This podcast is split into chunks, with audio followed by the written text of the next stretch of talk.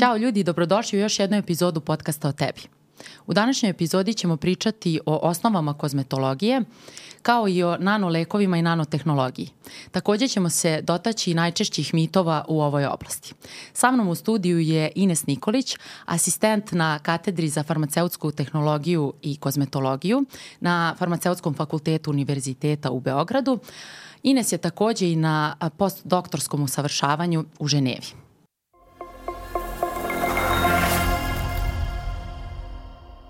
Ines, tvoja oblast istraživanja je farmaceutska tehnologija sa kozmetologijom. Da li bismo mogli da definišemo čime se ove dve oblasti bave? Naravno, da. Kao što si već rekla u najavi, farmaceutska tehnologija je u stvari oblast kojom se ja mnogo bliže bavim. Iako um, zamislimo možda, ili ako prosečan uh, pacijent, potrošač, zamisli šta je to lik, uvek obično pomislimo možda na neku tabletu ili injekciju.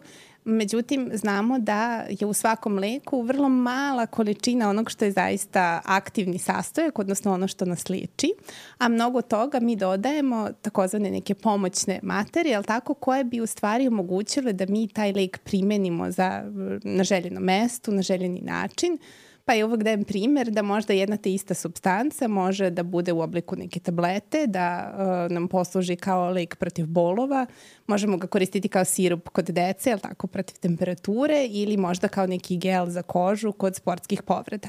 Dakle, farmaceutska tehnologija tu stupa na scenu, odnosno omogućuje nam da mi napravimo željeni oblik leka za predviđenu primenu kod ljudi. I naravno, kozmetologija je opet uh, jedna važna naučna disciplina koja se bavi formulacijom kozmetičkih proizvoda, odnosno proizvoda koje koristimo za negu, čišćenje i održavanje kože u dobrom stanju, a već ćemo i pričati o detalji. Da, ali to je jako važno. Aktivna substanca je samo deo određenog proizvoda i koliko su te pomoćne substance i cela ta nauka koja se zove farmaceutska tehnologija važne za proizvodnju leka i za primenu kasnije, ali oni koji prate ovaj podcast od početka znaju da je ova katedra meni nije toliko draga. Tačnije ne katedra, nego predmet. Ja baš sam često pričala o tome, pa red je sad i da pomenem ovde. Mm, farmaceutska tehnologija je meni na, u srednjoj školi bila jako zanimljiva, jer smo mi stalno tamo nešto mućkali, mešali i pravili proizvode, a na fakultetu je bilo zanimljivo samo na vežbama. I nekako nama se nije dopalo zato što je bilo previše detaljno. Morali smo ono sve da pišemo, baš je bilo nekako Aha. detaljno nekako prestala je da mi se dopada. Međutim, ti si nama bila asistentkinja na tom predmetu. ja kad god pričam ljudima, da se razumemo, farmaceutska tehnologija je jako bitna, važna nauka, grana farmacije. Oprostit ću ti sve dobro, ovo što si do e, sad rekla. Dobro, hvala. Ti hoćeš, ali drugi neće. I stvarno je super i oni su svi, to je jedna velika katedra, baš ima puno, Jeste. imamo puno i predmeta. Ali da, a, šta sam htela da kažem, uglavnom da... Nisi nas volela, nisi Nisam nas volela, ali voleli smo tvoje vežbe, baš smo e, voleli dobro, tvoje vežbe. E, dobro, to mi je drago. I cijela moja grupa, da, kad god pričamo o farmaceutskoj tehnologiji, ja kažem sve ovo isto i kažem, ali imali smo jednu super asistentkinju i baš, stvarno nam je na vežbama bilo odlično. Šest sati su nam trajale vežbe Jeste, i ti si uspevala da nam držiš pažnju i da nas da nas nekako usmeriš da ostanemo da, pa normalni. Pa, drago mi je, drago mi je da tako misliš, ja se tebe sećam i naravno ne samo tebe, već cele te grupe i to je bilo još na početku mog asistentskog staža, tako da ste mi ostali u vrlo, vrlo lepom sećanju. A naravno mi smo ostali u kontaktu, tako da evo da. nas i danas ovde da pričamo o nekim važnim stvarima jer uh, farmaceutska tehnologija posebno na početku, ja sam toga svesna, nije draga studentima i to će mnogi reći, ne samo ti, ja prva za sebe kažem kada sam bila student, nije mi to bila omiljena oblast uh, za učenje, pa naravno ni za, za istraživanje, ali ka, kao i sve drugo, kada krenete to da upoznajete i kada shvatate značaj i kada naravno steknete malo više znanja i iskustva u nekoj sferi, onda shvatate koliko je ona u stvari zanimljiva i koliko vam mogućnosti nudi. Jer bez farmaceutske tehnologije nema leka. Naravno, nije Jest, to da. jedina da. disciplina, ali jedna vrlo važna stručna oblast. Da, i evo sad da se malo izvučem, neki od mojih kolega baš vole farmaceutsku tehnologiju, čak se i žale što nema toliko apoteka u kojoj može da, da, da, se, izrađuje da se izrađuju lek. Da, da, da. da. I tako da, eto, voljeli bismo da postoji više takvih apoteka sa magistralnom eto, izradom. Pa, to, to je lepo što si rekla, zato što u stvari jedna od veština koju studenti kod nas uče jeste ne samo da u teoriji formulišu lek, već nego i da ga izrade za pacijenta. Da, da, odlično. Oprostite mi, katedro, nisam mislila ništa loše. e sada, kada pomenemo uh, kozmetiku, prva asocijacija većini ljudi jeste šminka i kreme. A, šta je zapravo jedan kozmetički proizvod? E, hvala ti na tom pitanju, zato što uh, veoma često kada se govori o kozmetici ili o kozmetologiji, mi trivializujemo to. E, na početku sam spomenula da je u stvari kozmetologija ozbiljna naučna disciplina i bavi se formulacijom i ispitivanjem kozmetičkih proizvoda.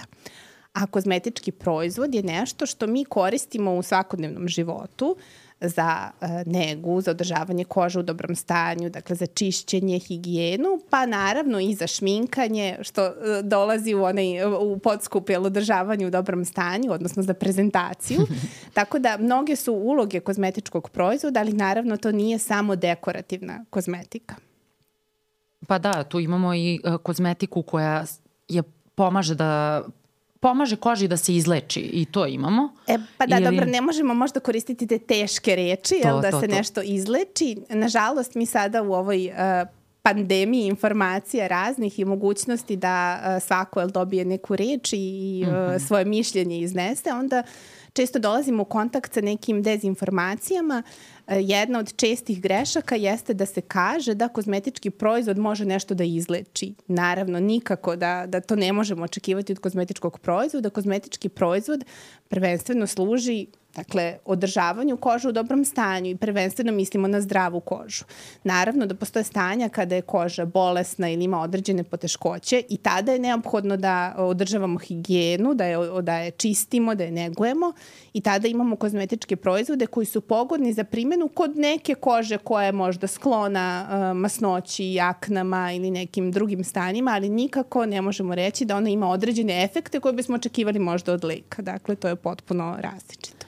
Sada će te dermatolozi obožavati zato što se oni baš um, pokušavaju da edukuju uh, opštu populaciju na ovu temu, tako da sad si ih kupila i hvala ti na tome. da, hvala tebi na ovom pitanju. Dakle, vrlo je da. važno da to razgraničimo, ne samo zbog toga da budemo ispravni u onome što govorimo, nego da bi i potrošači znali šta mogu da, da. očekuju da. i šta da traže. Dakle, ako imate problem sa kožom, ako je ona bolesna, ne možete očekivati neko čudo od kozmetičkog proizvoda jer on tome ne služi. Da, odlično baš si lepo ovo definisala i naravno da je e, zdravlje osobe, pacijenta, potrošača, kako sad ko zove, na prvom mestu ispred marketinga i svega. Naravno. I kažem, dermatolozi će biti zahvalni na ovome. Ako mogu Zato što, sad, uh, izvini što te prekidam, slobodno. ali kad si rekla zdravlje, to je jako lepo. Uh, jedan, jedan kozmetički brend, vrlo poznat, je davno imao jednu uh, reklamu u kojoj se ponavljala jedna rečenica koja je govorila zdravlje je lepo. Dakle, svaka koža koja je zdrava, odnosno koja je negovana, uh, koja, sa kojom se održava odgovarajuća higijena je lepa. Sve da. drugo je dodatak. Nema te šminke koja će kožu učiniti zdravom ako ona nije negovana i ako ne održavamo dobru higijenu. Dakle, zdravlje je lepo i zdravlje održavamo, a onda sve jest, ostalo. Jeste, slažem se sa tim. A kada smo sad pominjali zdravlje, jako je važno da koža bude zdrava, a ljudi ne smatraju da je koža organ. A, da možemo da se, um, da se preusmerimo na kožu sada trenutno. Um, prvo, ono što je meni kao sa farmaceutske strane zanimljivo jeste koža kao put primene, a pre toga da definišemo kožu iz tvog ugla. Da, iz mog ugla, pa da, da, da, lepo je što si to rekla, koža jeste organ i koža je najveći organ ljudskog tela zapravo i u proseku, eto kažemo da imamo nekih 1,7 kvadratnih metara kože. Ja ne mogu ni da zamislim to kao da. u prostoru.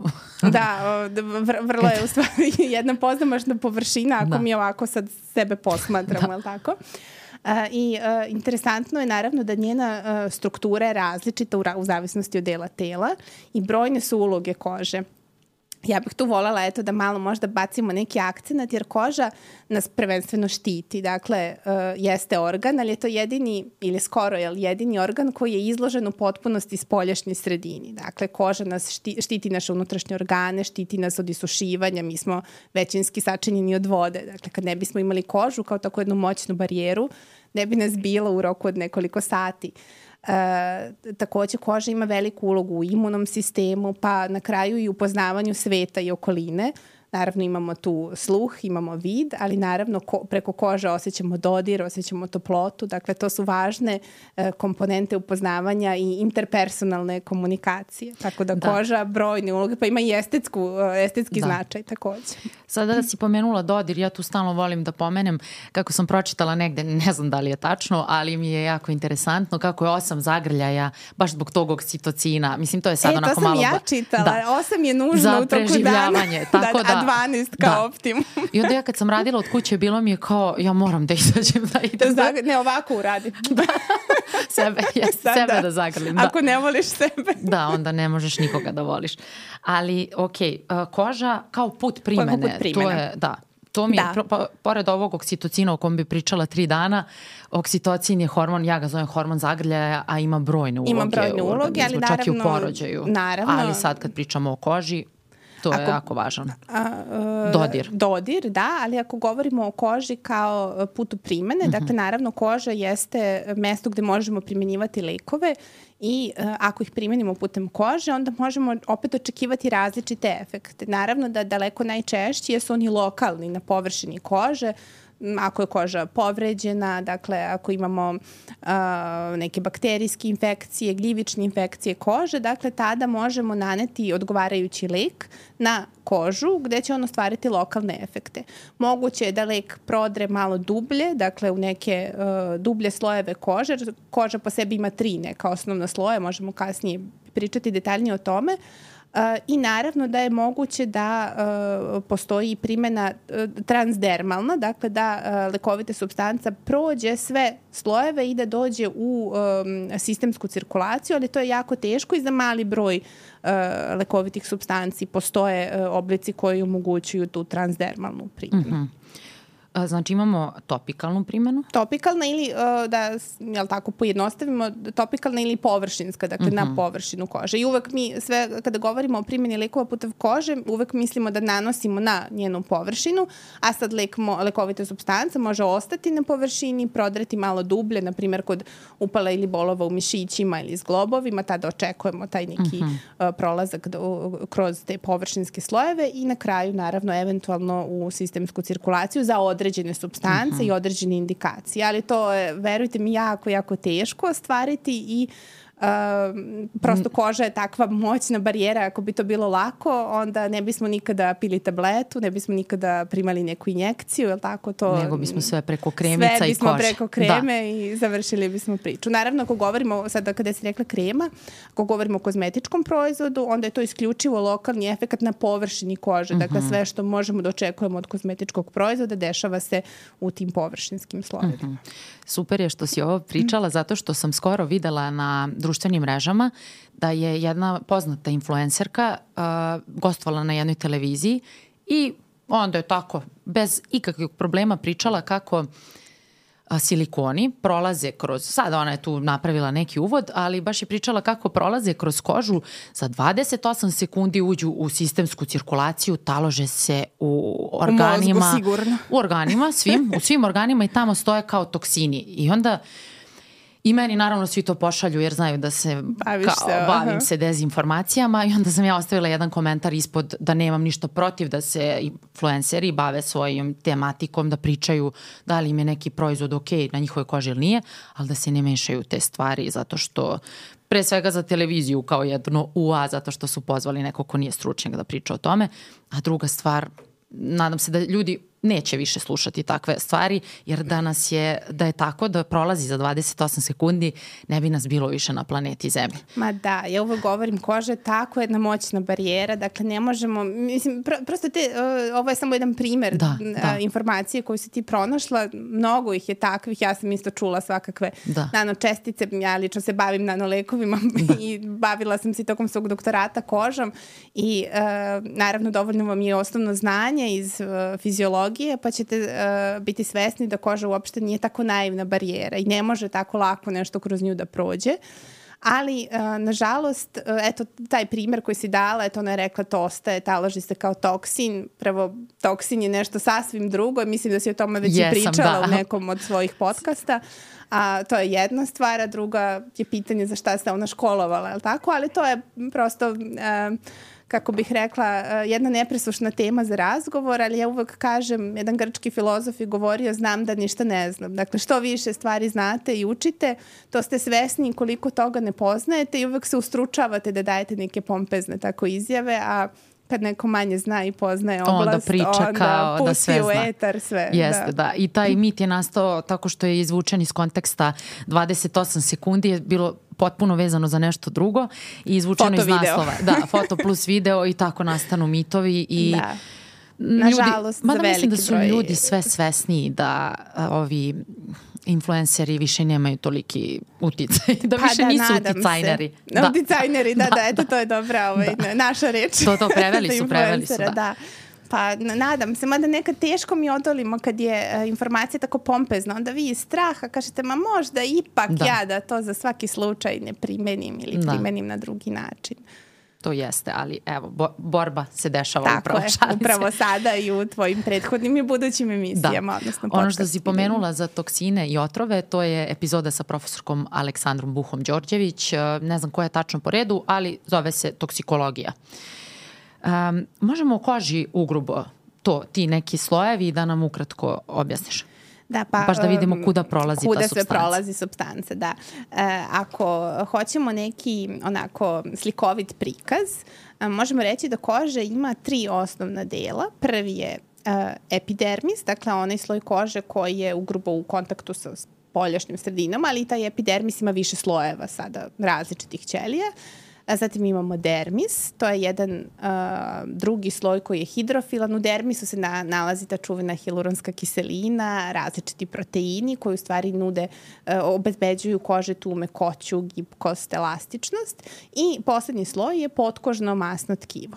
I sad već vidite kako sam ja nabrojala nekoliko slojeva, svi ti slojevi imaju različite osobine. Neki su malo, da kažemo, masni, drugi su vodenasti, što znači da jedna substanca da bi prošla kroz sve te slojeve i došla eventualno do sistemske cirkulacije mora da ima takve osobine da voli vodu, da voli masnoće, da um, može da stvara lako o, o, određene veze sa nekim drugim prisutnim molekulima, što uopšte nije jednostavno. A najznačajnija barijera je upravo ovaj površinski sloj kože koji je u kontaktu sa spoljašnjim sredinom.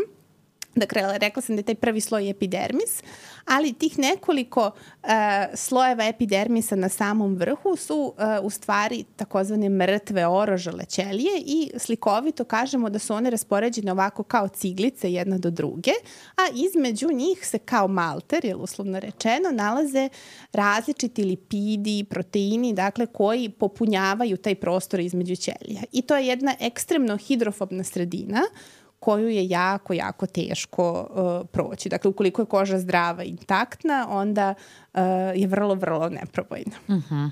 Hidrofobno znači da... Hidrofobno pot... znači ne voli vodu. Ne voli dakle, vodu. evo samo ukratko, dakle, uh, mi kada kažemo da je nešto hidrofilno, rastvara se u vodi, so ili šećer. Ako je nešto hidrof, uh, hidrofobno, ne voli vodu i ne rastvara Ulje se u vodi, u vodi Tako da. je, ili ako je nešto lipofilno, dakle voli masnoću, odnosno bolje se rastvara u nečemu što je masnije, uljasto. Mm -hmm. Odlično si ovo slikovito predstavila ja bih samo um, za one koje dodatno zanima koža i dermatologija, um, moja koleginica i prijateljica ima podcast koji se zove Derma priče, uh, Nevena Rafailović, um, Nevena Nešković, pardon, i um, ona priča detaljno o koži i tako da mogu pogledati dodatno njen podcast. A i mi smo sa Nenom snimali epizodu. Uh, to je druga epizoda, baš je bila osnovama dermatologije. A i takođe smo se dotakli uh, sa specijalistom kozmetologijom Jelicom Nikolić, pričali smo o SPF-u, to je peta, A, to je isto naša važna, peta epizoda. Da, važna, važna tema. tema. Da, pa koga zanima neka pogleda slobodno. Uh, A, sada bih se vratila na sastojke kozmetičkih proizvoda. Pominjali smo ih u početku. Tu imamo aktivnu substancu i pomoćne substance. E sad malo, malo da, mi, da, da tu detaljnije kažemo. Da, kada govorimo o aktivnim i pomoćnim substancama, obično mislimo na lek. Dakle, na, na farmaceutski oblik leka gde imamo aktivnu aktivni princip, aktivnu farmaceutsku substancu i pomoćne, dakle, koje nam obezbeđuju da to sad bude ili tableta ili neki oralni rastvor ili krem za kožu. Uh, A ako govorimo o kozmetičkim proizvodima, onda tu imamo kozmetičke sirovine i naravno uvek imamo neki kozmetički, među tim kozmetičkim sirovinama imamo kozmetički aktivni sastojak koji je uh, jedan ili više njih naravno u nekom proizvodu koji je odgovoran za efekte koje želimo da postignemo i onda ove ostale opet sirovine koje nam služe da dobijemo željeni proizvod. Sad je meni ovo važno da se podsjetim. Znači u lekovima imamo aktivnu substancu. Substancu i pomoćne da. materije ili excipients, stručno. A u kozmetici? To su sve kozmetičke aktivni sirovine. I kozmetički aktivni sastojci. sastojci to da, da se lepo izražava Ali dobro, to je sad već onako terminologija stručna. Da. Naravno, za, za potrošače je važno da, da znaju da nekada imaju određeni mm -hmm. princip koji doprinosi efektu. Mm -hmm. I kod kozmetički aktivnih sastojaka imamo sad uh, ekspanziju raznih proizvoda na tržištu i toliko tih aktivnih sastojaka, sad vitamin C, niacinamid, retinol, kako mi da znamo da li je to stabilno, da li to deluje, kako uopšte da se potrošači ne upecaju na, na te neke stvari. Šta je, vita, za vitamin C sam čula da uopšte nije stabilan u nekom, u kozmetičkim proizvodima, da se razgrađuje pod dejstvom svetlosti Pa možeš li nam to malo detaljnije objasniti? Naravno, e, da, vitamin C je jedna e, poznata kozmetički aktivna substanca, tako, to je antioksidans. I naravno ne koristimo ga samo u kozmetičkim proizvodima i jeste on osetljiv na oksidaciju, što će reći da se vrlo lako, bilo u prisustvu svetlosti, kiselnika, nekih drugih substanci, vrlo lako se, dakle, razgradi, odnosno uh, izgubi svoj efekat uh, antioksidansi nas štite od slobodnih radikala, verovatno to je sad već poznata priča, da. da, da se tu ne zadržavamo i iz tog razloga se često dodaje kao aktivni sastojak u kozmetičkim proizvodima. Ali potrošači ne bi trebalo da se mnogo sekiraju uh, zbog nestabilnosti vitamina C, zato što kozmetički proizvodi koji dolaze na tržište i koji se na tržištu nalaze treba da prođu vrlo rigorozna ispitivanja koja između ostalog treba da pokažu da je uh, kozmetički proizvod uh, bezbedan i efikasan i naravno da uh, postoji odgovarajuća stabilnost uh, substanci koje se nalaze u tom proizvodu, odnosno ukoliko tvrdimo da postoji neki efekat, zbog određene, određenog sastojka tog proizvoda, to mora i da se dokaže. Dakle, formulacijom proizvoda mi već nalazimo načine kako da tu substancu održimo u stabilnoj formi da ona može da ostvari svoje efekte. Naravno da sad ako mi kod kuće uh, kupimo neki vitamin C pa ga razmotimo i stavimo na lice, to nema nikakav efekat, je li tako? Da. To... tu može doći do neželjenih efekata ili u najmanju ruku da ne radi. U, na, u najmanju to ruku naj... izostanka, je li tako? Da, da ali efekta. taman si to pomenula i obožavam tu temu kozmetika u kućnoj radinosti. Šta Prvo ću ja da kažem Ajde, što imam, zato što postoji previše uh, tržište online prodaje je, čini mi se, neregulisano i toliko ljudi pravi te kozmetičke proizvode, završe neki kurs i sad kao žao mi je što to moram da kažem, ali ako ne, nema, ne prođu tu regulativu, ja ne znam, ako nema dobru deklaraciju, ja to nikad ne bih kupila. Naravno, to, to je lepo si rekla, deklaracija kozmetičkog proizvoda je nešto što je vrlo važno. Ali e, naravno da, mislim, postoje te stvari sada po internetu, možete da. svašta pronaći, ali uvek se držite mainstream e, stvari, pa tako i u kozmetologiji. E, dakle, ono što možete da kupite u apoteci ili odgovarajućoj parfimeriji je kozmetički proizvod iza koga stoji e, istraživanje, iza koga stoji ispitivanje, iza koga stoji provere kvaliteta. I postoji vrlo striktna regulativa, dakle propisi koji um, uređuju ovu oblast i kod nas u državi su ti propisi u potpunosti usaglašeni sa onim što postoji u Evropskoj uniji. Dakle, ni malo ne kaskamo za tim, tako da uvek naravno se treba rukovoditi uh, zvaničnim kanalima, iako eto postoje te neke pompezne, vrlo privlačne možda mogućnosti i često potrošači misle, a to je ručni rad, to je sigurno da. kućna radinost, prirodno. to je dobro, prirodno isto da i na tu temu možemo posle da pričamo. Uh, ali uh, zna se šta je zvanični kanal, šta su uh, ispitivanja, tako, šta, šta možemo očekivati od kozmetičkog proizvoda. Dakle, to, to su uh, kozmetika koja se nalazi na internetu u smislu te neke uh, privatne male manufakture da, ili kako kuhinja. već to da nazovem. Ku, ku, da. moja kuhinjica. Ne, ne, mislim, po, pro, prosto e, ta, takvim, um, takvom načinu pripreme proizvoda um, vi ne možete ne možete da znate koji je kvalitet substanci, ne možete da, da znate kakva je njihova stabilnost. Mikrobiološka, Mikrobiološka ispravnost. ispravnost. Tako je. Dakle, deklaracija koje nema, što, kako vi znate šta je unutra, da li ste vi možda alergični na neki sastoj kozmetičkog proizvoda, da li um, da li je ta osoba poštovala uh, uh, substance koje smeju, odnosno ne smeju da se nađu u kozmetičkom proizvodu. Dakle, da. to je propisano. Ja bih samo zamolila sve te ljude koji se bave time da poštuju regulativu. Da, ali znam, to, nije to tako lako, to je, to je vrlo, vrlo jedan zahtevan proces. Dakle, Da, znam. Ne Zato bih što... sad e, širila priču na da. tu temu, ali dakle da, nije to baš tako, tako, tako nije jednostavno. Da, ali nek se udruže onda svi nek naprave nešto kvalitetno. Iskreno. Jer je, opet ponavljam, najvažnija bezbednost potrošača. potrošača. Tako je, uvek je o tome da. se govori i kada govorimo o hrani i o nekim drugim proizvodima. Tako. Da, i često se dešava kada se tako neki proizvod napravi, da li je... Stabilan dovoljno dugo i tu, tu mi dolazi jedno novo pitanje, pada mi na pamet bezbednost i stabilnost. Naprimjer, ako kupimo neku kremu i otvorimo je i sad ona ima, razvojile su se faze. Da li to znači da odmah treba da bacimo kremu ili ne mora da znači, možda je okej okay i dalje? Da, u principu e, razdvajanje faza, dakle svaki krem je takozvana emulzija, jel, je polučvrsta, samo što znači da imamo pomešano ulje i vodu. Mm -hmm. I ulje i voda se u principu ne vole, jel tako, to svi znamo, međutim mi sad dodamo tu još neke sastojke i povežemo te dve faze. I desit će se da uh, se one razdvoje iz različitih razloga. Nekada zato što je sad prošao taj neki predviđeni rok trajanja uh, proizvoda I u principu to nije opasno. Dakle, mm -hmm. vi možete to malo promešati, ali nije lepo, ni, ni za, da. znači vizualno nije lepo. Drugo, to može da se desi ako vi taj proizvod ne čuvate pod uh, optimalnim uslovima preporučenim. Često se to dešava sa proizvodima za zaštitu od sunca. Mm -hmm. Vi kupite neki vrlo skup proizvod, uh, ali odete na plažu, vi ste sad tu uh, na polju, na suncu, taj proizvod se zagreva, to nije predviđen način čuvanja takvog proizvoda i logično je da će on možda, da će možda doći do razdvajanja faza pre nego što bi se to očekivalo na osnovu ispitivanja stabilnosti takvog proizvoda.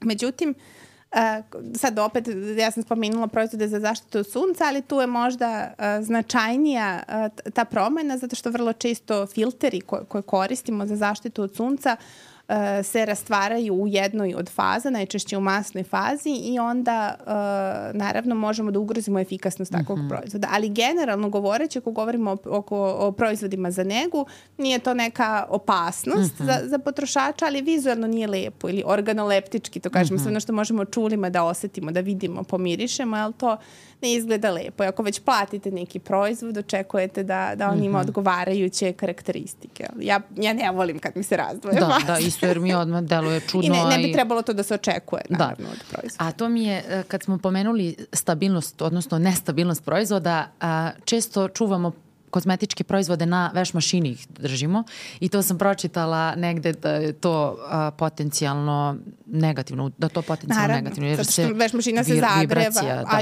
još vibracija još i nekako, ali mm -hmm. vi sad iskuvavate veš, no veš mašina se zagreva. Da moram priznati, ja često tako kad se šminkam u brzini, ja ostavim to da veš da. mašini, a moja mama je ta koja je revna, koja uopšte nema veze sa kozmetologijom, ali ona vodi računa i onda tako da. sklanja. Ali naravno, neće se to desiti ništa od jednog puta, ali kad vi tako držite duže vreme, vreme proizvode, mislim to može biti i neki lek, e, krem za kožu koji vi koristite zbog e, određenog problema i ako ga ostavite tako, dakle posle nekog dužeg vremena, to su neke, neki detalji svakodnevnog života koji mogu da utiču mm -hmm. zaista na vibracije naravno, ali prvenstveno zagrevanje mm -hmm. veš mašine, da. Hvala, ja sam mislila da je vibracija, ali dobro. Sada da Kao na suncu, sumiram. jel? Da, da, jeste. E, da definišemo još jednom samo šta možemo da očekujemo od dobrog kozmetičkog proizvoda. Ukratko, opet, mislim, provukli smo sve vreme, sve vreme mm -hmm. smo mhm. pričali o tome, ali onako po crticama, po što bi se rekao. jel, sa slajda. da, farmaceutski. e, naravno, e, ja bih prvo samo da se osvrnem na to šta je dobar kozmetički proizvod. Mm -hmm. Dobar je onaj koji odgovara našem tipu kože. Dakle, da li je on skup, da li je on jeftin, da li je uh, sa mirisom ili bez, to ne znači ništa. Važno je da on odgovara našem tipu kože. A ovisno sad o nameni, uh, dakle ako želimo proizvod za negu, to je nešto što će obezbediti naše kože odgovarajuću hidrataciju, uh, mekoću, je tako, lep izgled, uh, ako koristimo dezodorans, nešto što će obezbediti, je tako, uklanjanje neprijatnog mirisa, antiperspirans treba da spreči, uh, da, da smanji u stvari, je tako, izločivanje znoja. Dakle, to su neki efekti, dakle, čišćenje, nega, održavanje u dobrom stanju, to su te opšte stvari koje možemo očekivati od kozmetičkog proizvoda. Dakle, ne možemo nikakve efekte a, podmlađivanja i povratka u ranu mladost. Skoro sam videla neku lepu reklamu, ali sad ne mogu da je podelim, jel? Ali, dakle, to su o, o, osnovni efekti. Pa možeš da nam kažeš narativ, možda ćemo prepoznati. pa ne, ide kao uh, da, da, mažete neku kremu koja je anti-age, onda se vraćate tako u prošlost, vraćate se, vraćate se i tako ispadne da, da ste vi sad kozmetičkim proizvodom dogurali do rane mladosti. Pa to si mladosti. možda videla kod mene na Instagramu. a, mo, a možda, da. Ako je, da, ja u stvari sam... ti se baviš tom temom, moguće da ne, ja sam izreklamirala retinol Aha. na mom kanalu vašfarmaceu.rs i ima ovako reklama za retinol kao ide moja baba, pa mama, pa ja, pa onda moja bratanica koja ima četiri godine. ali da, da dobra naravno, ideja. Dobra ideja, dobra ali ideja. kao, da, uglavnom, eto, na primjer, retinol je zanimljiv i samo da li misliš da on a, ima efekta? Kao, to je kozmetički ne, aktivni sastojak, aktivni ali ne može da me vrati 20 naravno, godina da ne može. Znači, postoje ispitivanja koje će da pokažu da mi sad možda imate umanjenje uh, nekih hiperpigmentacija, da malo neke fine linije poprave. Sve su to efekti na površini kože. Dakle, ništa ne može da zameni uh, genetiku, ništa ne može da zameni odgovarajući stil života koji doprinosi dobrom stanju izgledu kože. Dakle, ishrane nešto što unosimo iznutra, a značajno se odražava na izgled kože. Spa spavanje, da. a, dakle stil života generalno i naravno negovanje odgovarajućim kozmetičkim proizvodom. Retinol, naravno, ako ga stavimo u određeni kozmetički proizvod koji ima tvrdnju kozmetičku koja se odnosi na anti-age efekte, to mora biti ispitano i onda naravno da, da, da jeste u skladu, je tako, da, mm -hmm. da možemo očekivati određeni efekt. Kada smo pomenuli um, te zdravstvene to, je to zdrav, nije zdravstvena nije, izjava? Ovo je kozmetička, kozmetička izjava, da, hvala. da. To kako smo se lako napravili. greši. Zato, kako lako, da. Kako se lako greši, da, zato smo... katedra. Ipak si mi uzela za zlo. ne, ne, naravno. Se. Šalim se. Um, da, kozmetičke izjave, uh, kako se one uopšte dobijaju? Znači, ne može neko da stavi tek tako uh, ova krema je za vas vraća 20 godina ne, unazad. Ne, ne može. Dakle, ako želite da kažete da to nešto popravlja fine linije, da ima, misli se na, na plitke bore ili da um, jednostavno poboljšava izgled vaše kože, da smanjuje perut, da, ne znam, utiče na određene efekte, da, da ima određene efekte na koži, to mora biti ispitano. Dakle, sve to, pričali smo na početku o regulativi, o dokumentaciji koja mora da prati kozmetički proizvod. Pa jedan deo te uh, dokumentacije jeste i dokaz o sprovedenim ispitivanjima na osnovu kojih vi možete da date određenu tvrdnju. I ne samo da ona mora biti tekst, da, da, da ta tvrdnja mora biti potkrepljena dokazima kada je u tekstualnoj formi. Ne možete vi ni da stavite neku sliku koja vas asocira sad na nešto, a da to nije svojstvo proizvoda. Mm -hmm. Dakle, i to, i to potpada pod, pod ove propise. Dakle, sve što želimo da kažemo i sve što želimo da postignemo našim kozmetičkim proizvodom, to mora biti ispitano. I to bih ja I to je vrlo naglasila. rigorozno. Dakle, da, da, to... Bilo da su to ispitivanja uh, neka instrumentalna na ćelijskim linijama ili na panelu dobrovoljaca. Dakle, uh -huh ispitivanja su različite i vrlo često kod poznatih brendova vi vidite nekada iza ili, ili na samoj e, ambalaži ili nekada u propratnom materijalu, brošurama koje možete pronaći nekada i u apotekama, da postoji nekada uz neku izjavu neka fusnota, e, zvezdica, pa onda možete pročitati kako su sproveli određeno ispitivanje. Često je to kod proizvoda za uh, uh, smanjenje peruti ili protiv peruti, da postoji uh, dodatno objašnjenje da je to na panelu dobrovoljaca koji su koristili taj proizvod na određeni način i kako je onda to mhm. -huh. određeno. Dakle, oni su to zaista ispitali da bi tako nešto i tvrdili. Ja bih samo naglasila opet da ove zdravstvene izjave su tako sve u skladu sa regulativom. Kozmetički. Da, pardon, ovde sam zapisala, hvala, hvala. Kozmetičke izjave tvrdnje, su... Tvrdnje, u stvari kozmetičke, da, to je to. Kozmetičke tvrdnje su tako sigurno i proverene na ovim proizvodima koji se nalaze... Uh, Ko možete naći u regularnoj prodaji, Tako dakle, je. bilo da su u apotekama, parfimerijama, dakle, ne, ne mora nužno da kozmetički proizvod ima tu neku tvrdnju, to nije da, nužno. Da, da, da. A, dakle, i, meni je čak to i bolje, jer kad vidim da imaju deset izjava, ja se zapitam, vidi Šta je leči. to? Da. Da. Ali za, zanimljivo je da ove online, bez toliko testova odrađenih, sve to sve leče, sve poboljšavaju. Razna ulja su za sve i svašta, tako da ljudi pažljivo sa tim mislim da je jasno iz ove, iz ove konverzacije koliko je to zahtevan proces. Um, da li cena kozmetike korelira sa kvalitetom? Da, pa ovako, ja sam jedna ljubiteljica kozmetičkih proizvoda, moram reći. Tako da ne, nekada, da, cena vas uvek um, povuče, ali tako vi i pomislite nekad, ma to je malo bolje, ipak naravno ne nužno. I uh, kroz cenu mi uh, platimo dosta toga. Naravno da platimo kvalitet proizvoda, platimo neke uh, savremenije možda sirovine, platimo ispitivanje, platimo razvoj proizvoda, ali pratimo i brand, platimo trend aktuelni, jer nekada neki kozmetički sastojak nije uopšte skup možda, ali je on sada u trendu, sada se reklamira i naravno da onda ako želite takav neki proizvod, onda to može da bude i skuplje. Naravno da uh, skuplji proizvodi, uh, obično su to proizvodi nekih poznatih brendova koji uh, uložu dosta u ispitivanje, u razvoj novih kozmetičkih sirovina i vi ćete već videti da možda imaju lepši miris, lepšu teksturu, da kada se namažu na koži možda nisu tako lepljivi kao što biste od neke možda kreme koja je nešto povoljnija, ali naravno uvek ističem to da je važno da to odgovara vašem tipu kože, odnosno nam ako govorimo o, o kremi za negu ili da, da, dakle nameni kozmetičkog proizvoda da odgovara i naravno mora biti u vašem cenovnom da. rangu. Dakle, ne možete vi naravno kupovati nešto što je ekstremno skupo jer, jer opet ne možete ni očekivati neke bombastične efekte. Zna se šta je kozmetički proizvod. Tako da um, cena može da govori mnogo toga, ali ne nužno da je takav kozmetički proizvod najbolji za vas. Dakle, uvek prilagođeno koži I ono što još platimo kroz cenu svakako jeste i možda razvoj formulacije koja može biti inovativnija. Vi imate neke nano formulacije koje mogu biti inkorpor, na, nano strukture koje mogu biti inkorporirane u neki kozmetički proizvod pa da se time obezbeđuje neki bolji efekat. Ali, dakle, to su sve kozmetičke stvari, dakle ne tako uh -huh. značajne, uh, ali uh, treba prvenstveno se baviti time šta odgovara vašem tipu kože.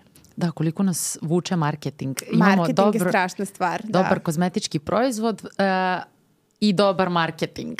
Pa to mora nekad da ide, mislim, živimo u takvom svetu, je tako, da uh, vi možete, uh, ne, ne, evo sad da govorimo možda o, o proizvodima uh, kozmetičkim, ali i ovako uh, u životu vi možete biti jako dobri obrazovani, elokventni, ali morate se dobro i prezentovati, Istina. tako da bi vas neko to i prepoznao. radimo, Pa da bismo tako. mogli da proširimo ove informacije. Tako da da, dobar marketing je važan. Da, tako definitivno. da i kod proizvoda. Kako ćete znati da nešto dobro postoji? jeste, jeste, mora da se nemam ja ništa toliko protiv marketinga, samo uh, u stvari nemam ništa protiv, samo nekako da naučimo da se ne pecamo tako lako. Ja sam prva koja se upeca, nisam... To je prirodno. Da, da. i kao vremenom smanjujem tu svoju negativnu osobinu. A, malo pre smo pomenuli um, ko, dermokozmetiku. Molim te, definiši nam šta je dermokozmetika, šta je medicinska kozmetika, to je isto. Da, mi, mi I šta je drogerijska kozmetika? Ono, št, zašto su potrebni testovi, klinička istraživanja? Kako to? Malo nam pojasni, jer je baš previše da, ovih um, termina, termina koji se da. koriste. Pa, uh, uh, kozmetika, odnosno kozmetički proizvod, uh, onako kako ga definišemo u zakonu, mi smo, mislim, ista je definicija, u zakon je uvek suvoparan, ali ga spominjem ga zato što je važan za, za ovu oblast takođe, uh, ne, ne razlikuje da li nešto obična, pod znacima navoda kozmetika ili takozvana dermo koju si ti spomenula ili jel, često ćemo čuti termin medicinska, mada mi forsiramo dermo kozmetika kao ispravan termin. Mm -hmm. Uh, dakle, svaki kozmetički proizvod, kakav god da je, prirodni, organski, dermo, ne dermo, običan, kako god želimo da ga nazovemo, ima iste osobine. Dakle, on čisti, neguje, održava kožu u dobrom stanju. Kožu, nokte, uh, sluznicu, usne duplje, uh, da, dakle, to, to to su mesta gde možemo da primenimo kozmetički proizvod i efekti koje možemo da očekujemo su isključivo površinski. Međutim, postoje uh, određene uh, prosto određeni brendovi koji su možda više uložili u razvoj formulacije. Malo pre smo pričali da neki možda skuplji proizvod može uh, da bude uh, takav da sadrži neke bolje sirovine koje imaju bolje osobine u smislu organoleptičkih osobina. Dakle, kada nešto nanesemo, pomirišemo, razmažemo po koži, da ostavlja bolji efekat. Uh, e, onda žele takođe da kažu da e, kod osoba koji imaju određene probleme sa kožom, kada treba da e, održavaju e, higijenu i nego svoje kože, da oni mogu da koriste njihov proizvod da im neće pogoršati stanje. Dakle, na primer, eto imamo primer akne, akne su dermatološko oboljenje, ali i osobe sa aknama moraju da čiste svoju kožu. E pa ne mogu da koriste baš bilo koji proizvod, već neki koji je pokazao da neće e, pogoršati ili da može uh, prosto se koristiti za zajedno sa nekim možda lekovima koji se koriste u tretmanu takvog stanja. Dakle, e, to su dermo kozmetički mm -hmm. proizvodi, oni imaju um, odgovarajuće kozmetičke tvrdnje na svojoj ambalaži, koje smo isto spomenuli, koje su dokazane i iz tog razloga ih često pronalazimo u apotekama.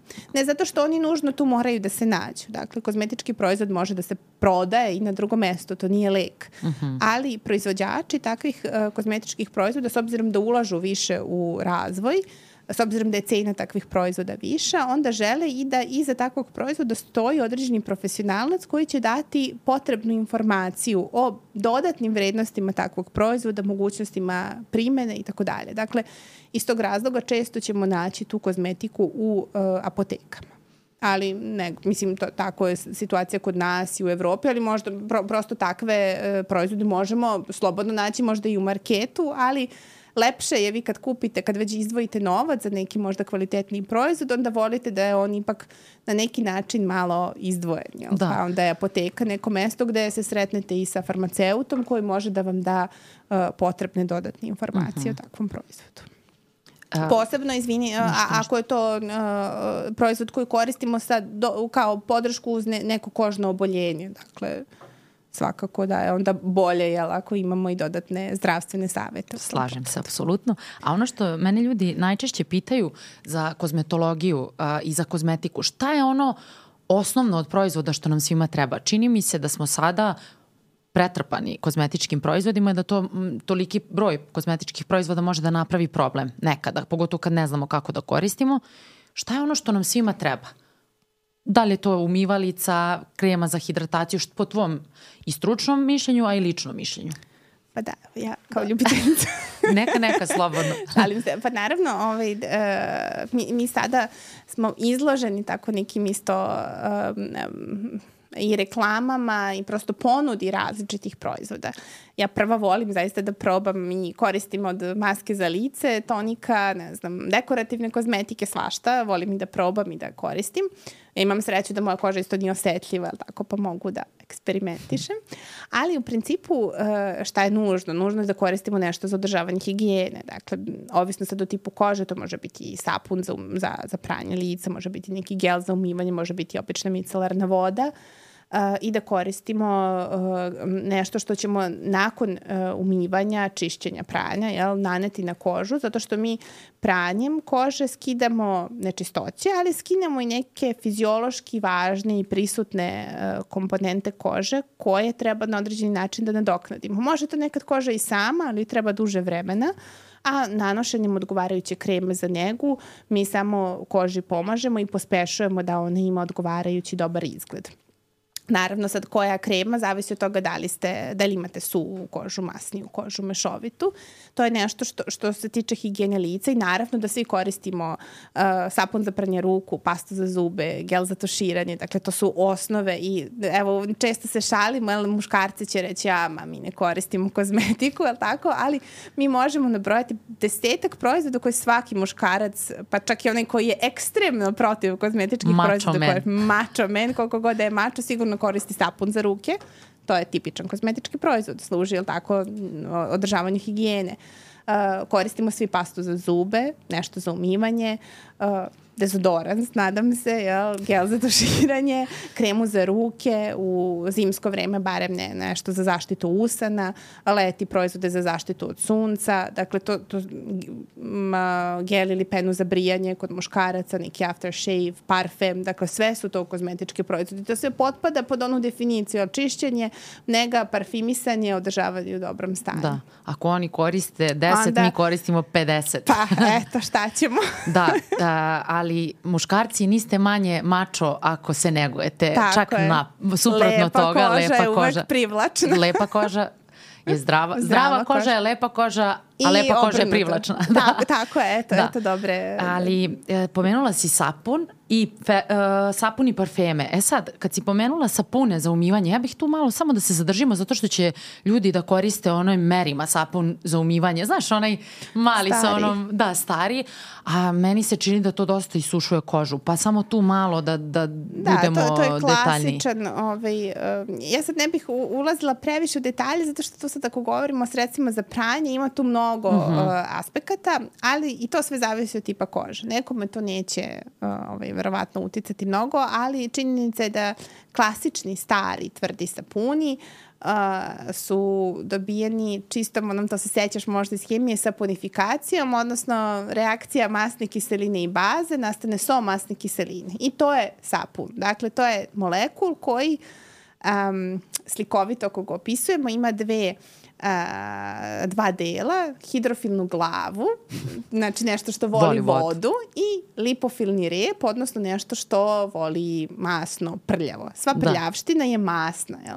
I onda vi kad nanesete, pa to, mislim i u gelu za umivanje imate to samo malo druge, druge strukture, ali nanesete sapu na lice, sve što je masno zakači se za taj rep, a glava ga odvede ka Da, da, vodi, da. jel tako, isperemo svu nečistoću ovaj, vodom. Međutim, ti stariji sapuni imaju a, pH vrednost koja je bazna, dakle vrlo visoka, a koža bi trebalo da ima neku kiselu pH vrednost i onda vi narušite a, pH vrednost kože, dodatno isušite, skinete neke fiziološke lipide, dakle fiziološki prisutne masnoće, pričali smo, taj površinski sloj je kao ciglice i malter, mm -hmm. imate mnogo lipida, tako da postoje neki novi proizvodi koji su malo nežniji za kožu, da. ali naravno opet ograđujem se, dakle sve zavisi i od vašeg tipa mm -hmm. kože, nekome možda to ni, ni ne smeta. Pa da, ali u priči sa muškarcima, oni uglavnom koriste tako nešto za sve, i za kosu, i za telo, i za All lice.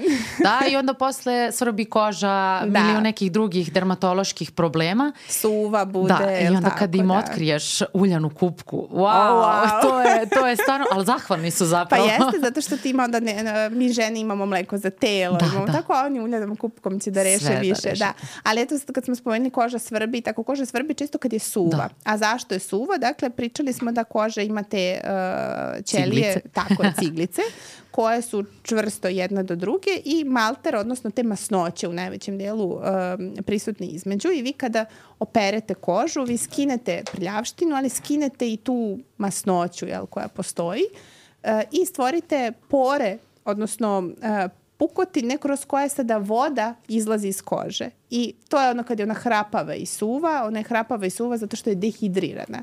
A kako je izlečimo? Tako što ćemo naneti neki fin krem na, uh, na kožu koji će onda zatvoriti te uh, pukotine jel, i omogućiti da koža zadrži vodu u sebi i da se posle jel, oporavi. To, ali eto, kako ne bi uopšte dolazilo do toga, posavetujte se muškarci sa farmaceutom ili sa... Ili i sa, sa, ne, nekom sa ženom, u blizini koja Da, i je ljubiteljica imati, proizvoda tako je.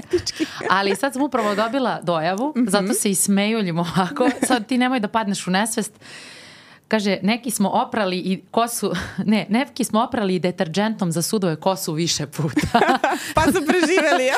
Preživeli su, ali ne znam kako ti na to reaguješ, ali meni Ne, ne, naravno. Pa Ja imam to potrebu sve da ih onda stavim u jednu školicu kozmeto, kozmetologije Kozmetolog- za muškarce. za primjenu kozmetičkog da, proizvoda. da, da. Pa da, dobro, naravno to pretpostavljam da je bilo u, u, u stanju nužnosti, ne neke hitne nedostatka nekog ovaj, alternativnog proizvoda, ali naravno to, to su agresivni ovaj, proizvodi Da. koji naravno mogu mnogo da isuše kožu i nisu tome namenjeni. I uvek se kaže da kozmetički proizvod mora biti Um, bezbedan uh, kada se primenjuje pod ra na razuman način, onako kako je namenjen. Dakle, ako nešto primenite onako kako mu nije namena, nemojte Možete da očekivati da, da, nemojte gutati pastu za zube. Da, da, da. Ali znaš da kruže one šale po internetu kao kad devojka ode prvi put kod dečka da prespava i onda ona slika stoji, ono feri u uglu na kadi onako stoji. I ona jadna šta će? Ne, kupa se. Preskočit će. Tako da, da, da Ili kad momak dođe kod devojke i otvori uh, policu u kupatilu i ne zna šta ga je snašlo. E pa njemu je bolje, da se razumemo. njemu je bolje jer može da bira. Uh, I samo bih se osvrnula na parfeme. Ja mnogo volim parfeme, znači oni spadaju u kozmetički, kozmetički proizvod. proizvod. Tako je. I uh, mi smo već u dve epizode pominjali parfeme i uh, parfemi sadrže ftalate, uh, stabilizatore mirisa i oni mogu kao da remete endokrinološki, endokrini sistem, mislim, u, kad bi se konzumirali, u, ne znam, kad bismo se kupali u parfemu. I ja bih se tu, ne znam šta, da, šta ti imaš da prokomentariš na, tu temu, međutim, ono što je meni zanimljivo kod parfema, ja ih obožavam, ali kako mi svi imamo svoj prirodni miris, odnosno feromone, i da a, ljudi koji se previše kupaju, ali ono, stvarno, mislim, mackaju se pa onda stave, stave kilo parfema na sebe, uništavaju te svoje prirodne feromone, odnosno zamaskiraju ih. A feromoni služe da privuku drugu osobu, mislim, to je sad onako ugrubo rečeno. Naravno, to je fiziološki, je li tako, da, da uvek, uh, to, oni su i komponente znoja i tako da, da, da, da oni privlače. X-faktor. da, da. Ali, um, da, prosto u svemu treba biti umeren, jel? Da. Pa tako i u tome. Ja lično volim parfeme isto, i isto. koristim ih vrlo. I kupam se, ne brinite. da, da, ja sam htjela da kažeš ti to na mene misliš. ne, ne, ne, nas. ali, uh, naravno, samo treba biti umeren, ali uh, naravno to je sad isto domen uh, jedne druge oblasti toksikologije, jel tako, uh -huh. koja mhm. se bavi uh, tim nekim efektima, ali naravno da je sve uh, propisana. Dakle, ako se koristi u određenoj količini, na određeni način, da ne sme da se nađe u kozmetičkom proizvodu, ne bi ga tu ni bilo. Dakle, postoje odgovarajući uh, načini kako se to proverava. Slična je priča sa parabenima, slična je priča sa nekim drugim uh, sastojcima, dakle to um, ne, ne treba potrošač ako uh, kupuje dakle regularnim kanalima kozmetičke proizvode iza kojih stoji odgovarajuće ispitivanje i uh, dokumentacija, ne treba da se plaši. Dakle, postoje ljudi koji to procenjuju. Možemo da rezimiramo ove osnove kozmetologije. Jel sam prošla ovaj put? Ma, prošla, prošla si, Aleksandra uvek. Saška. Da, svi su me zvali kad sam bila da, mala Aleksandra. Ja sam htjela da kažem da. Saška, ali rekao hajde da budemo malo formalni. Da, ali pravo ime mi je Saška i to su kad sam bila ja, mala, svi su, nema veze. Vidiš greška. Ja, ja, ja uvek, da. A svi misle. Izvini. Da, svi misle, kad sam bila mala, ljudi su me ubeđivali da se zovem Aleksandra, tako da naviš. Da. Ja imam ja, posle ću ti ispričati anegdote sa mojim imenom, to je uvek, da. A lepo ti ime, Ines. Ines, lepo ti ime. A možemo da sumiramo ove osnove kozmetologije. Uh, kozmetički proizvod je tu da nam pomogne. Tako je. U stvari, da, a ispravljaj me slobodno jer ja se sad zanesem i onda izgubim se malo. Da održimo uh, higijenu kože, da, da je negujemo. Ne možemo da da očekujemo neke ludačke efekte. Naravno, ništa ne, dakle, upamtimo samo da ništa ne prolazi sa to u sistemsku cirkulaciju, ne možemo da nadoknadimo ono što fiziološkim starenjem gubimo, dakle, um, ne možemo očekivati od anti kreme da će da nam uh, napumpa bore, da ih popuni, da, dakle to ne postoji. Postoji samo jedna nega, postoji održavanje higijene, posto, dakle to je pomoć uh, samo našem životnom stilu, našoj genetici da koža izgleda još bolje. Eto. Da, i ukoliko smislu. postoji problem, na koži, obavezno se javiti dermatologu. Tako je, to je osoba koja je prava adresa kada da. imate problem na koži, ne treba ništa eksperimentisati jer koža je naš organ. Dakle, i nekada, uh, nekada čak i, čak i problemi koji su uh, posledica uh, nekih promena na unutrašnjim organima ili ne, neka druga oboljenja mogu da se manifestuju na koži.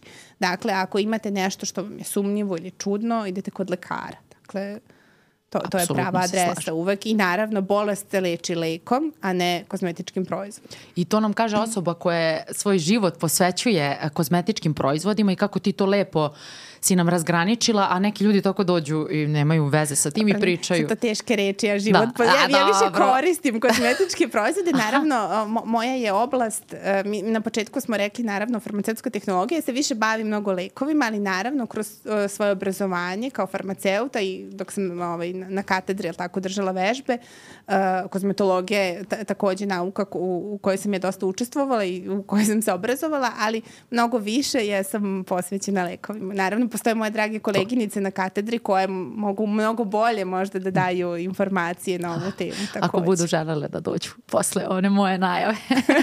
ali bit će to Verujem okay. da hoće. Da. Možemo sada da pređemo na tvoje postdoktorske studije. Postdoktorsko usavršavanje. I da, ja bih se samo ispravila, ok, život posvećaš nauci. Može tako? Može. Da. E sad, Ines, ti si, uh, trenutno, Ines, ti si trenutno na postdoktorskom usavršavanju u Ženevi i da li nam možeš više reći o tvojoj oblasti istraživanja sada? Da, ja se e, inače bavim farmaceutskom nanotehnologijom, dakle nosačima za aktivnu substancu, za lek koji su nano, dakle mali i od kojih možemo očekivati sad neke dodatne uh, efekte koje ovi konvencionalni nosači uh, ne poseduju. Uh, i uh, trenutno sam i deo uh, radne grupe EDQM-a. EDQM je Evropski direktorat za kvalitet lekova i zdravstvenu zaštitu koji se inače bavi i standardima u oblasti lekova, načinima ispitivanja, dakle postavlja standarde koje neki lek uh, ili neki farmaceutski oblik treba da ispuni da bi došao na tržište. Ali moja oblast je upravo nanotehnologija u, u medicinskoj primjeni, odnosno kod lekova, nanolekovi. EDQM. to mi je baš bilo ono kao šta je ovo? da, na, ti poznaješ farmakopeju, je da. tako, kao knjigu e, normi i standarda e, u farmaciji, pa e, EDQM upravo učestvuje u izdavanju farmakopeje i izradi različitih monografija. To je sada previše možda stručno, da. farmaceutski, da. ali eto samo da, da slušalci znaju, dakle, lek koji se nađe na tržištu, on ispunjava vrlo stroge kriterijume koji su između ostalog dati u toj knjizi farmakopeji. Da, da. A ta knjiga nam izgleda pre, bar tako izgledala na našem fakultetu, kao one, one knjige iz Harry Pottera i A, svega da, da, toga. McGonagall. da, da, da. Dobro, to je zato što su mnoge generacije prošle da. kroz to. Mada sada ja volim te knjige. Pa ja, ja volim onako... iris stare da. knjige, da. ali evo sada um, od sledeće godine, odnosno sada uskoro od 2024. više evropska farmakopeja neće postojati u papirnoj formi, već samo u elektronskoj. Čuvamo životnu sredinu između ostalog, da. Kada se kaže nano, šta se po tim misli? Pa naravno, kada kažemo nano, uh, mislimo, prva asocijacija je nešto malo, je tako, na nano skali. Ako govorimo uh, o nanotehnologiji, dakle, to je tehnologija koja se bavi strukturama koje su u dakle, tom nekom opsegu nanometarskom u smislu dimenzija. Nanometar je milijarditi deo metra ili nekad kad slikovito objašnjavamo, to mi kao petina nekog prosečnog ljudskog koraka u odnosu na prečnik zemlje. Dakle, to je jako mala um, veličina. I onda od takvih struktura, dakle nešto što je tako jako, jako malo, možemo očekivati određene drugačije efekte u odnosu na nešto što je makro ili što je nešto što vidimo, jer nano baš i ne možemo tako lako da vidimo. Uh, E, naravno, nanotehnologija postoji u različitim oblastima i ja verujem sad, e, kad smo mi se pripremali za ovaj razgovor i ako ti možda anketiraš neke slušalce, kada kažemo nanotehnologija, verovatno svi misle da je to nešto savremeno, jako novo, ili tako, od čega možemo mnogo toga da očekujemo, ali ipak nanotehnologija postoji već neko uh, značajnije vreme i kao neka nezavisna naučna disciplina je možda stara 50 godina. Dakle, nije toliko mlada, ali opet nije ni, nije ni stara, naravno. I uh, ako, naravno, nanotehnologija ima svoju primjenu u različitim sferama života i u svakodnevnom životu mi koristimo mnogo proizvoda iz domena nanotehnologije, ali uh, naravno u oblasti nanomedicine sada imamo i neke druge podgrupe, a jedna je upravo nanolek A kada i kako je nastala nanotehnologija? Rekla si to pre 50 godina je nastalo kao Pa tada je prepoznata kao disciplina, kao disciplina naučna. A, prvi nanolek, onako sada u literaturi kada čitamo, um, bili bi takozvani liposomi koji su došli na tržište 90. godina i to je bio proizvod za karcinom dojke tada, uh, prvi liposomi koji su došli na tržište, međutim, to je onako prepoznato zvanično, međutim nanolekovi su postojali i ranije, mnogo pre nego što smo i znali da postoji nanomedicina uh, i što smo upravo imali, nismo imali tehnike da to na određeni način vizualizujemo, opišemo, ali to su bila u stvari istraživanja uh, neka fundamentalnija u oblasti fizičke hemije, pa eto možda interesantno da su prvi zaista na, nanolekovi na tržištu bili 40. godina prošlog veka, to su bile neke nanodisperzije, nanočestice gvožđa, kod, koje su se i dan danas one nalaze na tržištu, a namenjene su pacijentima sa teškim deficitom, teškim manjkom gvožđa, na primjer zbog uh, nekih bubrežnih problema i tako dalje. Dakle, to su zva, bili zaista istorijski prvi nanolekovi na tržištu, ali onako zvanično, ako čitamo neku literaturu, to će ipak biti prepoznati ovi liposomi kao možda neki moderniji predstavnici nanolekova i nanostruktura. Kako li su oni tad, kad nisu još mogli da da detektuju te nanočestice, kako li je to bilo pravljeno, baš mi je to zanimljivo. Pa da, verujem da metode izrade nisu se čak toliko razlikovale koliko je bio problem da se to zaista vidi i opiše. Ono što su mogli da procene, naravno 90. godina su već postojale značajne tehnike, ali mnogo pre, dakle fizička hemija, hemija koloida se razvijala mnogo ranije i tada su naučnici mogli da vide samo promene u određenim fizičko-hemijskim karakteristikama. Možda nisu mogli to na neki način posebno da izmere, ali su mogli da opišu. I ja nekada dajem primer kada govorimo o tome da nano nije samo smanjenje veličine, već i promene i u osobinama onda nekad dam primer da eto zlato koje mi poznajemo onako kao sjajno i žućkasto, jel, ako se smanji tako da bude neki mali nanoprah, može promeniti boju, može biti crveno. Dakle, ne biste to očekivali od zlata, jel tako, ali zato kada ga smanjimo u tako maloj, na tako maloj skali, kada se nađe, onda promeni svoje osobine. I to je ono što se u ranim nekim fazama istraživanja, istraživanja moglo videti, a naravno kasnije napretkom tehnologije onda su se razvile različite različite metode koje se sad baziraju na drugim principima, neke mikroskopije uh, ili metode koje se baziraju na interakciji čestice sa svetlošću koje nam obezbeđuju onda da ih na neki način vidimo. Jel? Sjajno. O, oko zlata mi je baš fascinantno. Da li se... Sad ako imaš crvenu ogrlicu, kaže to je zlato. crveno zlato, da li se to nano crveno zlato koristi u neke medicinske svrhe ili ima neki potencijal veliki? Ne, postoje, dakle i u istraživanjima nanočestice zlata mogu da se koriste za, često su to i neke istraživanja koje su u domenu diagnostike. Dakle, ne, mi, kada govorimo o leku, mi obično mislimo na terapijske efekte, ali naravno lek može da služi i prevenciji, što su, na primjer, vakcine i može da služi uh, diagnostici bolesti.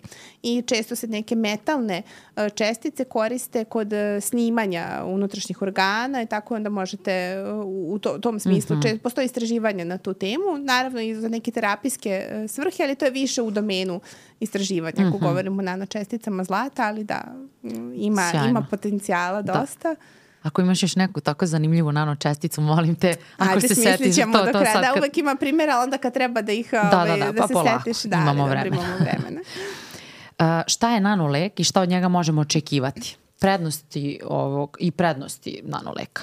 Da, pa nanolek je naravno uh, neka struktura jel, koja je jako mala i koja nam može obezbediti da mi aktivnu substancu koju imamo možda preciznije i bolje dovedemo do željenog mesta delovanja.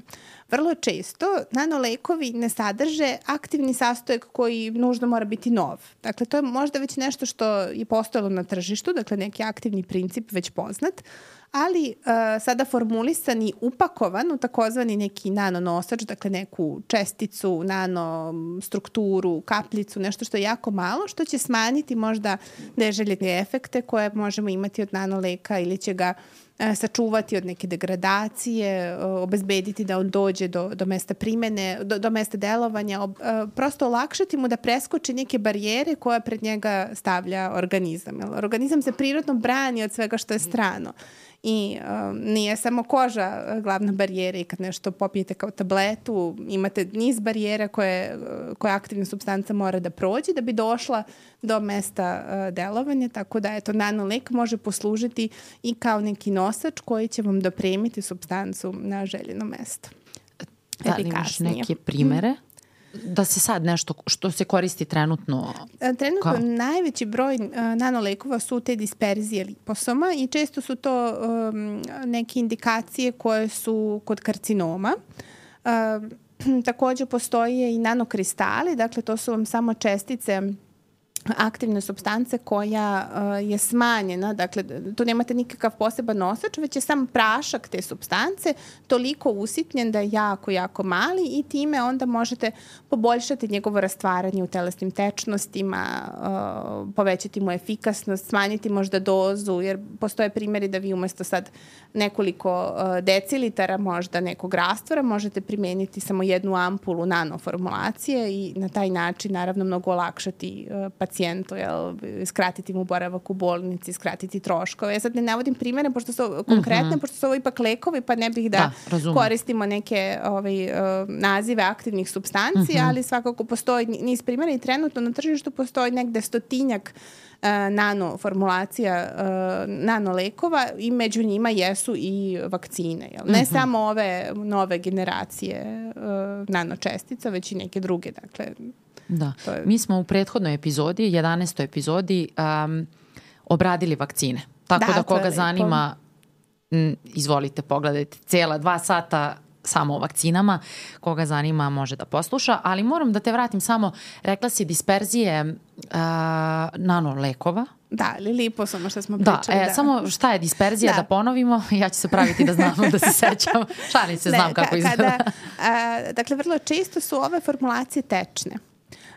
i namenjene su parenteralnoj primjeni. Naravno mogu i putem kože i tako, ali na, na, najviše efekata imaju ili putem kože ili parenteralno. Dakle, parenteralno znači kao da injektujemo ili u mišić ili intravenski, dakle, ne, ne da progutamo, uh -huh. eto, u mhm. tom smislu. Niti da stavimo na kožu. Um, ne, da, na, Nego... znači parenteralno intravenski, intramuskularno, ono što je vezano za iglu, jel, obično uh mhm. -huh. ljudi tako asociraju. Naravno, nanoformulacije mogu da se nanose na, na topikalno, jel, odnosno na kožu, mogu na uh mhm. -huh.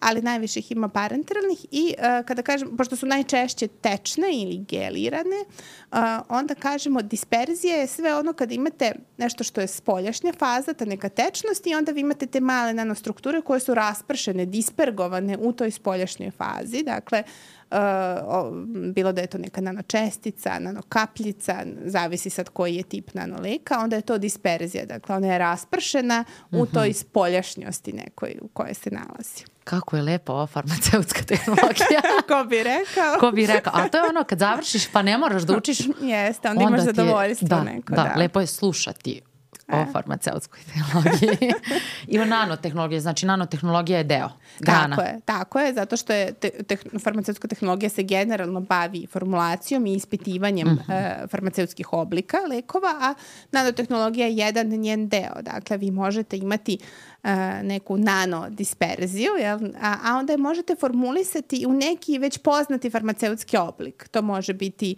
kapsula, to može biti uh, gel, može biti uh, neka emulzija za parenteralnu primjenu. Dakle, uh, bitno je da postoje neke nanostrukture koje nose tu aktivnu substancu, a sad već uh, se kasnije, u kasnijim fazama razvoja leka može odlučiti na koji način će se to primeniti. E sad tu već ima puno ovaj, prostora, ali to je možda i za neku drugu emisiju, kako opisujemo i karakterišemo nanolekove, jer nije baš lako. Sad, kad si ovo opisivala, bukvalno zamišljam te nanočestice kao neki autić koji nose e, pa aktivnu lepo substancu. Si, lepo si to rekla, da. da, da, zato što eto, naši krvni sudovi su možda neki autoputevi, da. magistrale, da. je li tako? Uh, autić je, uh, da, nosač, jer mi često govorimo i koristimo termin nosač aktivne mhm. -huh. substance, a u autiću je kargo, ne, ne, da, da. neki ovaj, u gepeku se nalazi neki paketić koji treba da se isporuči na uh, željenu adresu. A adresa je u stvari mesto gde aktivna substanca treba da se veže i da ostvari svoj efekat. Sjajno, odlično. I one ciglice i ovo sad odlično, baš mi se sviđa nekako je slikovito, jednostavno, a i može, nanočestica može biti aktivna substanca. Naravno, da, može, da, da, da. da, da, da. Super. E, koliko je teško i izazovno praviti ove nanooblike? Kako to, mislim, ti se time baviš? Da, pa postoje različite uh, tehnike. Um, ugrubo ih delimo na top down i bottom up. E sad ću objasniti samo šta je to. Dakle, top down ili uh, od ozgo na dole, to znači da vi neki veći materijal smanjujete, smanjujete, smanjujete do male nano veličine ili bottom up, što znači da vi od molekula ukrupnjavate nešto dok ne dođete do nanostrukture, jer molekul je mnogo manji od nanočestice. Da. I sada postoje tu različite metode, dakle to su primjena različitih uređaja uh, koji mogu da usitnjavaju, da propuštaju fluide kroz različite zaliske i tako. Dakle, tu je mnogo fizike neke ovaj, umešano, ali e, mnogo ih je lakše napraviti nego što ih je e, e, lako okarakterisati. Dakle, da vi budete sigurni šta vi zaista imate, koje su to veličine, e, kakva je površina te strukture, zato što to sve utiče na efekt. Da li je lek 10, 50, 100 ili 200 nanometara velika i kad kažemo veličina i to, to je sad jedna onako uh, jedan širok pojam zato što mi svi zamišljamo da je nešto ovako okruglasto, ja? a nanolek može biti i uh, izdužen, može imati neki nepravilan oblik. a, ali može biti i ovakvog oblika, ali, da. ali mi uvek moramo da a, kažemo da je, koja, šta je njegova veličina. Moramo na neki način da ga opišemo i to je vrlo izazovno. Lako je ako je to okruglica, -hmm. ali ako je ovo oblik, a da, da. sve ovo u nanodimenzijama... Za one koji slušaju pokazujemo Rajf, Rajf novogodišnji, novogodišnji. raj. da, novogodišnji raj, pošto ima ljudi koji samo slušaju, Aha, ne gledaju. Da, da. Ali ako je neki kompleksni oblik, dakle i tada mi kažemo da je to neke veličine, ali je vrlo teško definisati mm -hmm. koje. Mm -hmm. Dakle, to, to je jedan od izazova. Onda, kakva je površina uh, te čestice, da li je porozna, da li je glatka, uh, to mnogo utiče na, na njen efekt. Da li mi sada nešto želimo da prikačimo na površinu te nanočestice pa da je još bolje možda zadržimo u cirkulaciji, da je bolje dopremimo do tog cilja gde ga mm -hmm. autić vodi. Jer nekad autić skrene pa, mm -hmm. jel tako, ode u slepu ulicu s tramputicom, ne dođe do, do željenog mesta, pa mu mi onda nekad damo GPS, jel, kako mm -hmm. da ide. E, pa to sve utiče na, na efekte i naravno nije tako lako to uh, sada okarakterisati koliko ste u tome uspešni. Meni je ovo fascinantno što, to, što ti pričaš i bukvalno sad još više volim nauku, ali ti si još na početku pomenula da nanočestice uh, omogućavaju to da se smanji učestalost i Može, raznolikost da. neželjenih efekata. A to kada taj autić skrene, da li možda može da se desi i da pogorša Može, neželjene efekte ako, ako nije dobro da. okarakterisan. Na primer, da, on može da dođe i da ode na neko mesto i da ispusti sadržaj koji ima tamo gde ne treba. Da ali zato dok se to sve ne utvrdi i dok se ne okarakteriše neće biti pušteno, samo da Tako razjasnimo je, sa da, ljudima. Da, da, da, znači to se jako dobro ispituje i eto između ostalog u toj radnoj grupi EDQM-a, čiji sam član, mi se i time bavimo. Dakle, kako da ispitamo sve da budemo sigurni da ono što imamo ima odgovarajuće osobine i da onda budući proizvođač koji želi da stavi lek na tržište, zna koje korake treba uh, da sprovede u cilju uh, opisivanja svog leka i naravno da onda regulatorno telo, dakle kod nas je to Agencija za lekove i medicinska sredstva ili u, u Evropskoj uniji imamo Evropsku agenciju za medicinska sredstva, kada procenjuju dakle, dokumentaciju koja ide uz lek, da znaju aha, ovo nam je standard, ovo treba da ispuni ta nanočestica ili taj nanolek, da bismo bili sigurni da je on dobrog kvaliteta, da je bezbedan, da je efikasan. Dakle, I sada nam se samo pitanje postavilo, a to je bezbednost nanolekova. Kakve, kakvo možemo očekivati bezbednost od ovoga nakon toga što su okarakterisane sve ove stvari i nakon što je pušten u, u, u, u pogon, promet. u pogon autića. da, pa naravno e, bezbednost ispituje pre nego što pustimo. Dakle, postoji, kada govorimo o lekovima, postoje e, preklinička e, ispitivanja i klinička ispitivanja. Klinička se uvek odnose na ispitivanje na ljudima, ali mnogo pre toga se radi ispitivanja u laboratorijskim uslovima, takozvana in vitro, u staklu, odnosno fizičko-hemijska, možda sa ćelijskim kulturama, na eksperimentalnim životinjama, pa tek kasnije na ljudima i tek posle određenog e, seta kompleksnih ispitivanja oni mogu da, da dođu, e, da se eventualno primene, jel tako, kasnije ako su registrovani. Samo bih se osvrnula na eksperimentalne životinje, to ljudi da znaju da i to prolazi jako ozbiljan proces pre nego što uopšte dozvoli da se radi A, naravno, na tome. moraju se dobiti etičke dozvole, dakle to uopšte nije, nije jednostavno. Da, jer da. neće niko da uzme i da maltretira životinje tek tako, nego jednostavno mora da se e, proceni. To je vrlo, vrlo regulisana da, oblast tako da. I da, da se proceni da li će taj lek, da li uopšte ima smisla da se smisla ispituje. Da ide dalje. Da. Dakle, da, naravno, jer vi ne, ne idete, uvek imate, rekla sam to je, dakle, na početku uvek imate ta ispitivanja u laboratoriju, u da, epruveti. Da. U staklu imate sada uh, uh, prosto ekspanziju takozvanih in silico ispitivanja, odnosno u bukvalnom prevodu u silikonu, odnosno kompjuterski. Dakle, imate različite softvere koji će da vam skrate možda neke korake u laboratoriji, da vam naprave trijažu potencijalnih eksperimenata koje treba da uradite, pa onda nastavite jel, sa možda um, neka ispitivanja na ćelijama, kasnije tek eventualno na životinjama i onda jel, korak po korak. Mm -hmm. Uh, ali kada govorimo o bezbednosti, ona mora na isti način da se ispita za nanolek kao i za svaki drugi lek. I tu su testovi vrlo jasni i propisani. Uh, to sad naravno zavisi od puta primene, željenog i tako dalje, da sad tu ne ulazimo u detalje, ali ono što bih ja rekla da se ljudi često možda neopravdano plaše ili post, uh, prosto ja ne bih da uh, umanjim značaj straha, jer treba uvek uh -huh. biti mhm. oprezan na čemu god da govorimo, šta god da je novo, Ali, um, kada je u pitanju nanotehnologije, pošto je to je neka uh, nova disciplina relativno, kada god se o tome govori, kao što smo pričali o kozmetičkim proizvodima prethodno i o nekim uh, društvenim mrežama i nekim pompeznim izjavama, tako ćete često čuti i za nanolekove da oni prolaze kroz kožu, dolaze u mozak, ne znam kakve neželjene efekte uh, ostvaruju što naravno tako nije, nije tačno. Treba biti, treba ostaviti ispitivanja ljudima koji su za to e, školovani, obrazovani i obučeni Tako da, uh, dakle, ispitivanje za nanolek je isto kao i za svaki drugi kada je uh, domen bezbednosti. Možda se sada neka ispitivanja, način kako se oni sprovode, moraju prilagoditi strukturi nanoleka, ali to je vrlo jedna specifična sada oblast, dakle, zato što se on ponaša drugačije od običnog molekula, od obične tablete.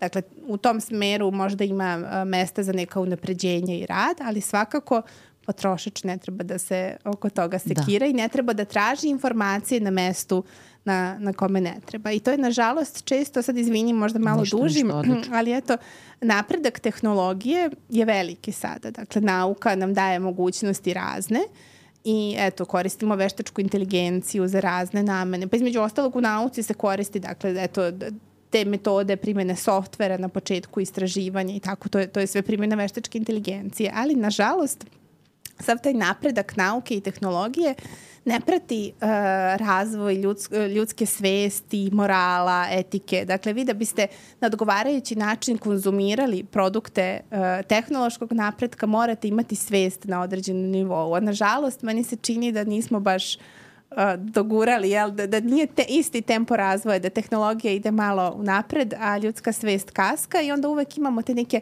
nus pojave, jel, umesto da koristimo na dobar način ono što, što je produkt razvoja nauke i tehnike, mi imamo problem sa dezinformacijama, uh, dakle to što je, uh, što je sada uh, informacija dostupnija, to bi trebalo da bude dobro, međutim sada dezinformacija stupa na scenu i tako dalje, dakle to su neki negativni efekti, nažalost, koje ti se sada trudiš da neke od njih da razbiješ i da ih ublažiš, ali još uvek su oni dosta jaki. Da, ali verujem da će slušati ljudi ove, ove stvari i da će im biti od koristi.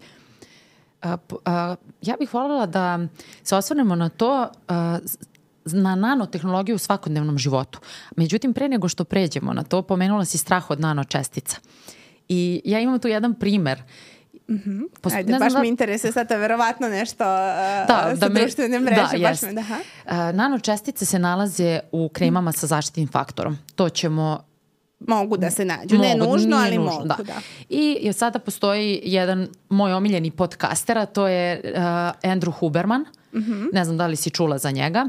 Uh, ima svoj podcast Huberman Lab i obrađuje zdravstvene teme. I onda tako ljudi izvuku iz konteksta njegove uh, videe i seku onaj kratki format Reels, TikTok, onaj video i onda su mi poslali svi, jedno 20 ljudi mi se javilo kao vidi što ovaj priča i onda priča kako a, čestice u kremama sa zaštitnim faktorom prolaze krvno-moždanu barijeru, tamo se talože i to je baš to, nano čestice i ja kao Hubermane, nemoj to da radiš. da zovi se pameti. da zovi se pameti. I kao gledam onda, ja sam se mnogo iznervirala i naravno našla sam tu epizodu, odslušala, on je to detaljnije objasnio, pričao je ne znam šta to ćeš nam ti sad objasniti da li je to tako ili nije, ali hoću da kažem da postoji u organizmu krvno-moždana barijera koju je jako teško proći da. ako je koža ono što si sve opisivala. Krvno moždano je još gore. Da, ja bukvalno zamišljam krvno moždanu barijeru kao ona neka vrata iz srednjeg veka, ono podignuta do visine. E, lepo si to, to I si nema šanse dok nemaš neki, ono, da ti neko napiše da možeš da prođeš, ono, vrhovni, vrhovni sudija. da Tako zamišljam. pečat. Da, da dobiješ pečat. I onda kao, ali tu sam se malo iznervirala zato što ljudi izlače iz konteksta te videe I totalno je pogrešno. Na kraju on to lepo objasnio jer, da. jer on ne koristi SPF zato što je muškarac koji vjerojatno koristi onaj jedan sapun i vidi mu se da ne koristi SPF. Po dubini bora, da, ali morat ćemo da mu pišemo mail, ne vredi, već ga par puta pominjem.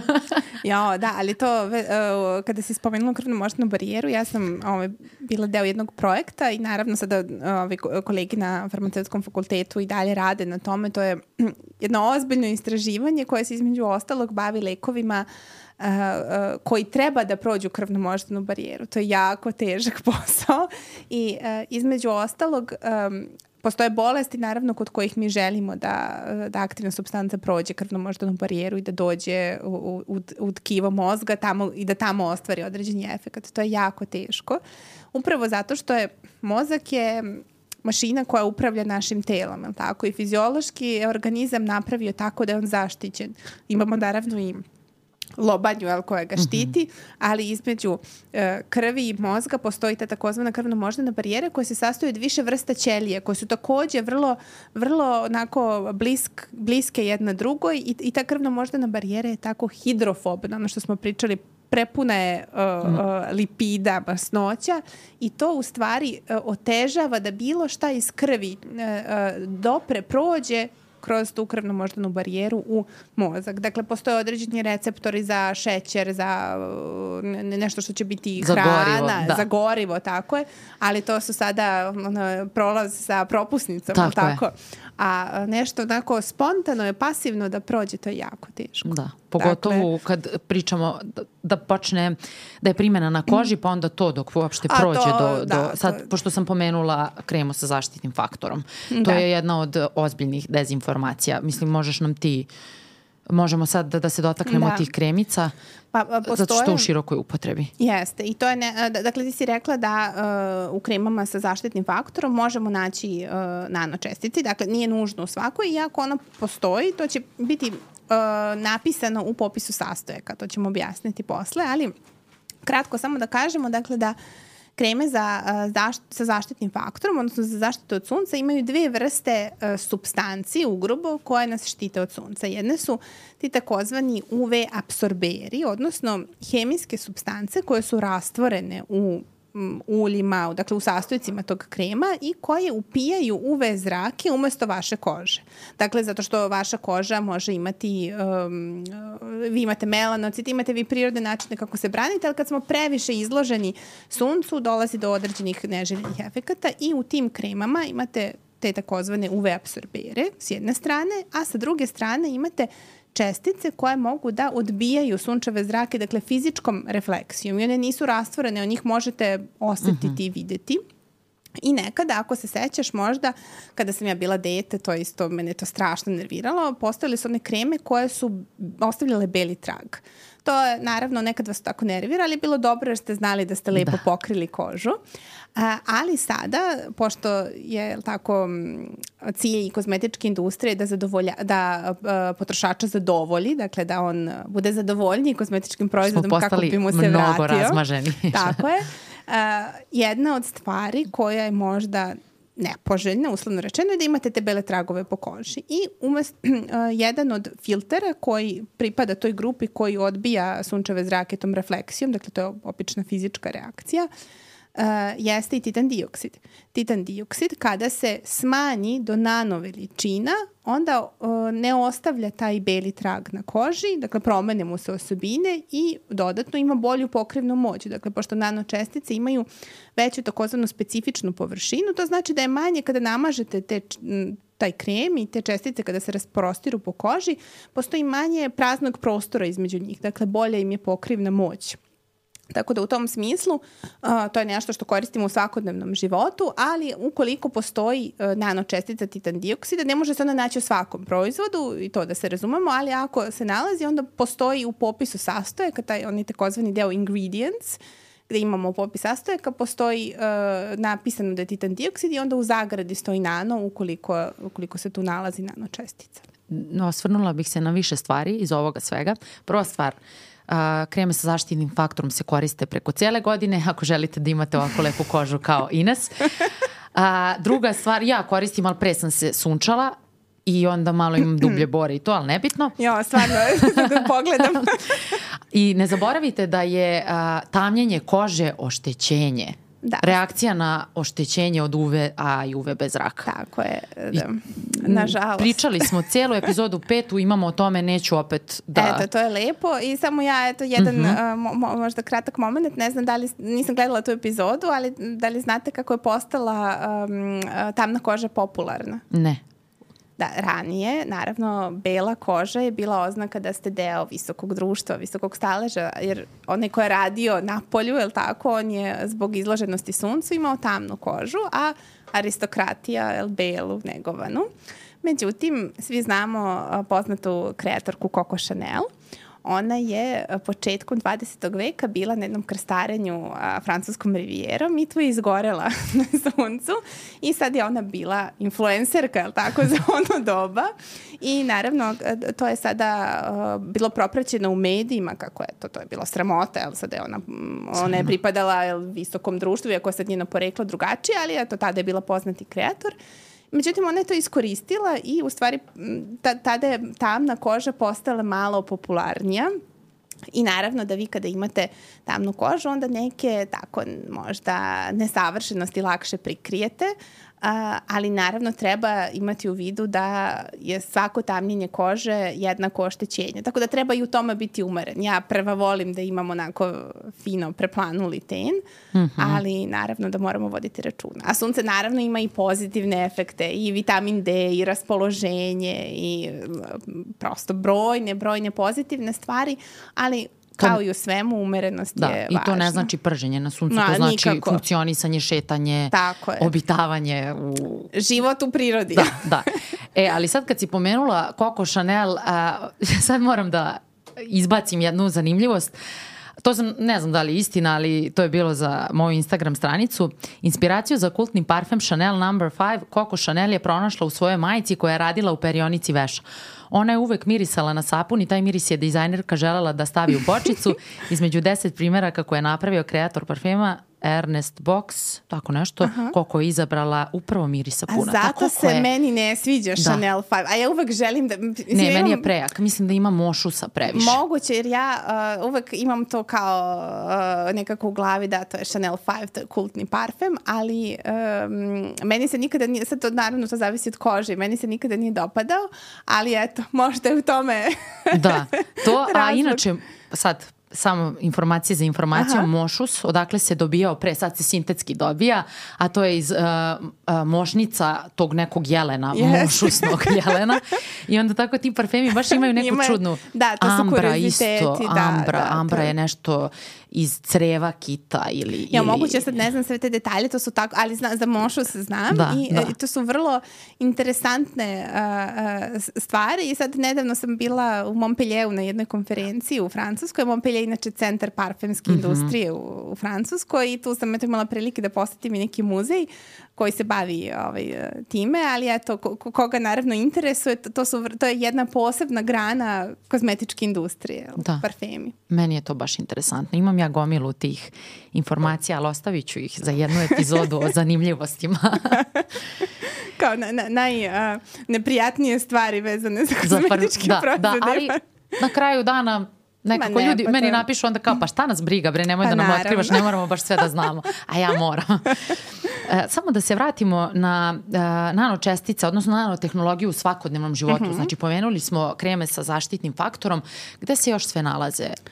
Pa u principu sada i industrija materijala, um, tehnika, dakle svuda mi možemo pronaći neke na, komponente, to, je sad ja ne, to će možda mnogo bolje znati inženjeri, jel tako, oni to koriste u strojnim kolima, provodnici i tako dalje, dakle to sad zaista nije moja sfera, ali to je mnogo a, mnogo nanotehnologije koja je deo našeg svakodnevnog života. Dakle, materijali, boje, pigmenti, to sve može biti na bazi nanomaterijala. Dakle, i mnogo je toga, kako bih rekla, i u nekim um, boljim kozmetičkim proizvodima možete imati aktivni sastojak koji je upakovan u neku nanočesticu, liposom, da bi bolje efekte ostvario na koži. Dakle, to je isto moguće ali nije, nanotehnologija nije nikakav bauk. jel? A ima naravno i nekih mnogo naprednijih mogućnosti i funkcija koje se koriste i u medicini i u tehnologiji. Ovo je samo ovako iz svakodnevnog mm -hmm. domena.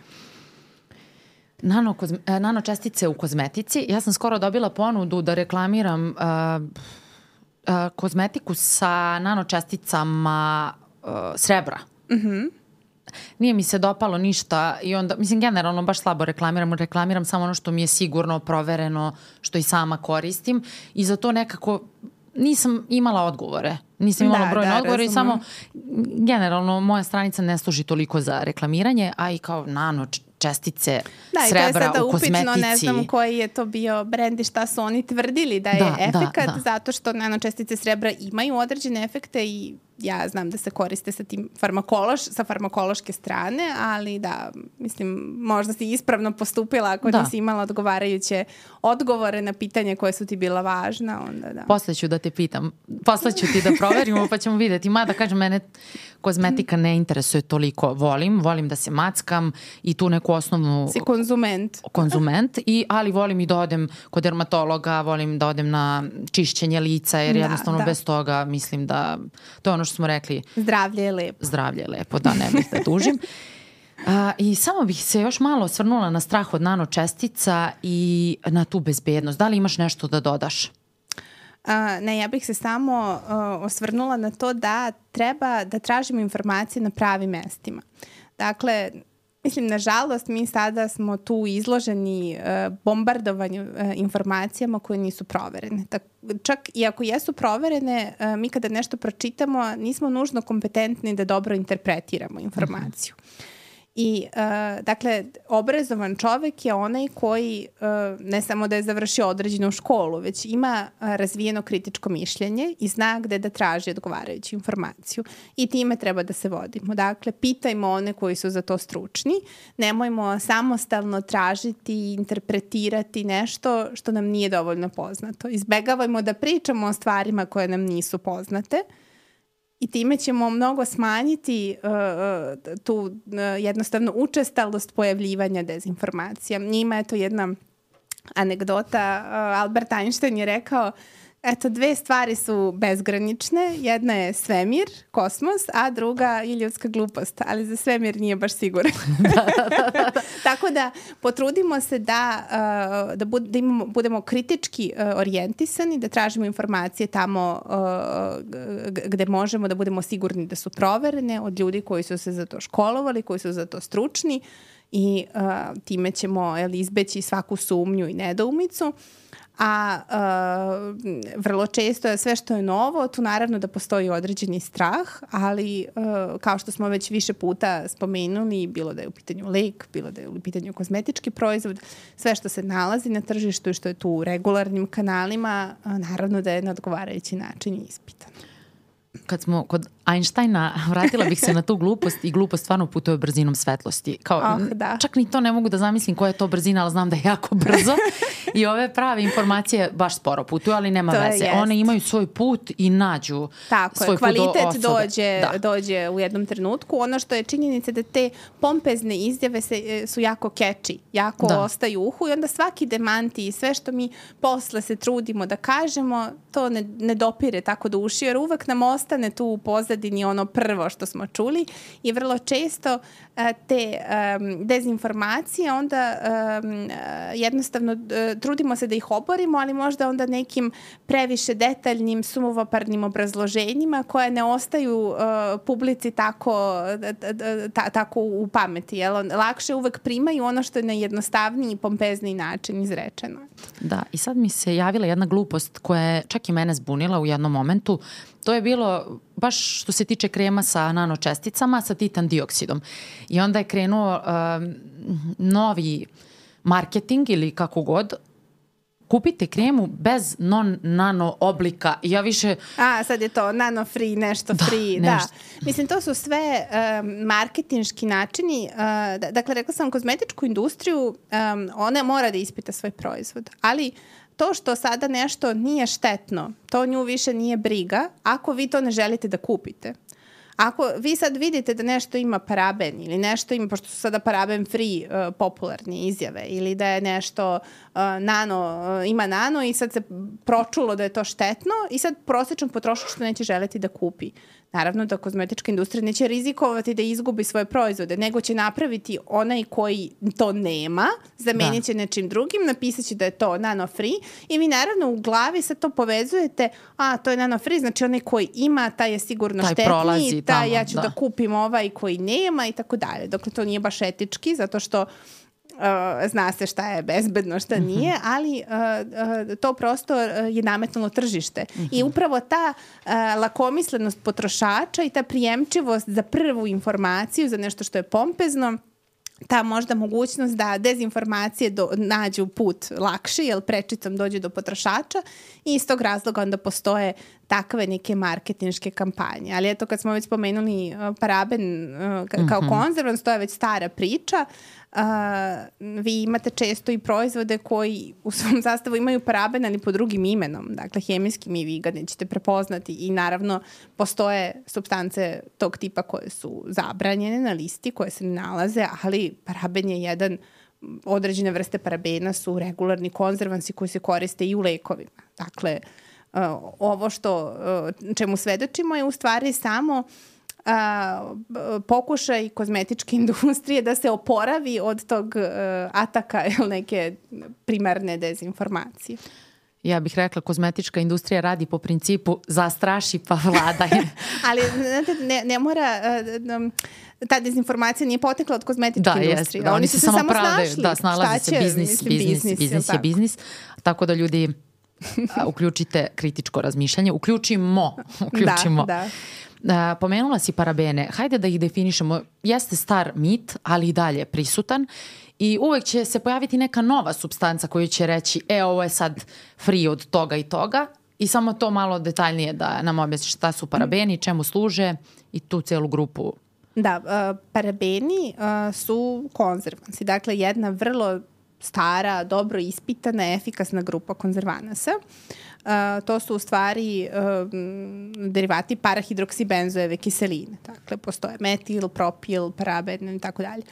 Uh, postojalo je neko ispitivanja, odnosno neka vrsta informacije koja je u jednom trenutku došla u javnost da oni imaju određene štetne efekte, da prolaze, imaju kroz kožu, imaju estrogene efekte i tako da. Ja se sad nisam, ovaj, ne znam sa detalje tog istraživanja da, da iznesem, ali a, to je dovelo do toga da a, prosto određeni proizvodi koji su, a, u koji su u svom sastavu imali paraben su postali targetirani kao štetni i neželjeni I onda je e, kozmetička industrija parabene zamenila nekim drugim konzervansima koji su naravno manje upotrebi, možda manje ispitani, možda imaju i neke druge efekte za koje još ne znamo, ne govorim da je tako, ali dakle mnogo su kraće u upotrebi zamenila je parabene njima i napisala da je nešto paraben free i takve uh, stvari sada nalazimo na tržištu. Dakle, ne govorim ni da su bolje ni da su loši, ali jednostavno to je nametnuo taj, taj mit, jel, da, da su oni nešto sad jako štetni. Postoje određeni parabeni koji su u fazi evaluacije, koji se nalaze na listi zabranjenih. Uh, substanci u kozmetičkim proizvodima, ali njih nikako nećete ni naći. Dakle, postoje određeni parabeni koji su regularni konzervansi, nalazimo ih u tabletama protiv bolova, u nekim drugim uh, lekovima. Dakle, ako ih ima u leku, verujte mi da je jako dobro ispitan. Tako da to su, to, to su konzervansi koji su vrlo efikasni. Postoje možda neki drugi problemi koji su u vezi s njima, koji se ne tiču uh, toksičnosti na, na nivou organizma, ali nema, uh, nema nikakve bojazni u tom smislu. Ali naravno sad je prosto tako da vi ne možete da, da, da kupite, ali da. ne možete sad ni da kupite pro, maltene koji ima da. u svom sastavu parabe. Ima nekih vrlo dobrih kozmetičkih proizvoda, ali uh, možda navedu paraben pod nekim drugim imenom, parahidroksibenzoeva kiselina, odnosno njeni derivati. Da. Uh, Samo bih naglasila ovo istraživanje, to je bilo sprovedeno na miševima. Ja ću pokušati da nađem to i da ostavim link za one koje više zanima, a ono što bih isto skrenula pažnju. Ja sam pre godinu, dve odradila live sa profesorkom Marijanom Čun, uh, sa Marijanom Ćurčić. Ćurčić sa katedre za toksikologiju baš na temu parabena. I baš smo lepo to uh, obradile, tako da ću da. ostaviti link, to je stari live i eto, mislim, od tad se nije skoro ništa promenilo, tako pa, da, da koga naravno, zanima... i ja lično se parabena ne bojim. isto, isto, isto, jer kao čim vidim paraben free znam da hoće da me upecaju, ali ne može. ali da, ali ne nažalost, eto, to je sad tako prosto, to je, oni su našli to rešenje, jel, kozmetička industrija da jednostavno ih zameni, to je to. Da. Uh, drugi mit koji mi je onako ostao bolna tačka titan dioksid i malo pre smo ga pominjali, ali da li možeš detaljnije da nam kažeš o titan dioksidu. Odakle toliki strah o titan dioksidu u prethodnih godinu dana? Pa da, ja sad uh, ono što o titan dioksidu znam, naravno da on ima različite uh, namene i on može biti kao beli pigment, dakle može se dodavati i u neke uh, proizvode kada želimo da um, ostvarimo onu belu boju, neku kreč belu. Uh, ali naravno nalazi se i u kozmetičkim proizvodima i u nano i u ne nano formi. Spomenuli smo ove za zaštitu od sunca. Ali mislim da je to mit kao i svaki drugi. Jel? Či, čim je nešto novo, čim se nešto promeni, onda odmah krene kampanja koja to treba sad da, da anulira. Javljaju se ti sveznajući jel, koji, koji će nešto reći e, negativno, da postoji neka teorija zavere iza svega, tako da ja ne znam sad detalje, možda ti imaš nešto ovaj, konkretnije, ali... E, Pričali smo o titan dioksidu u prvoj epizodi i tu je nastala, titan dioksid je zabranjen u hrani. Da, da. To je zabranjen u hrani i pošto suplementi spadaju u dodatke ishrani, zabranjeni u suplementima. I onda se digla, zato što ima potencijalnu genotoksičnost odnosno štetno utiče na plod, potencijalno. Znači tu je potrebno još dosta toga da se utvrdi ispita i odrađene su studije bezbednosti svega toga cijelog proizvoda. Ne bi mogao da bude pušten da je tako lako kao što ljudi mhm. tvrde, da je genotoksičan, ne bi bio, lek ne bi bio u a, prodaji. I uh, onda su ljudi na počeli da. na tržištu, mm -hmm. da, i onda su ljudi počeli da pričaju kako to treba da bude izbačeno iz lekova i svega i kao ako je izbačeno iz suplemenata, zašto nije izbačeno iz lekova? Zato što suplementi spadaju uh, pod drugu kategoriju, Tako prosto je. oni ne prolaze tu vrstu uh, ispitivanja koju prolaze i lekovi. Naravno, ali titan I u lekovima je jako mala količina titan dioksida koja je neophodna da se napravi lek uopšte.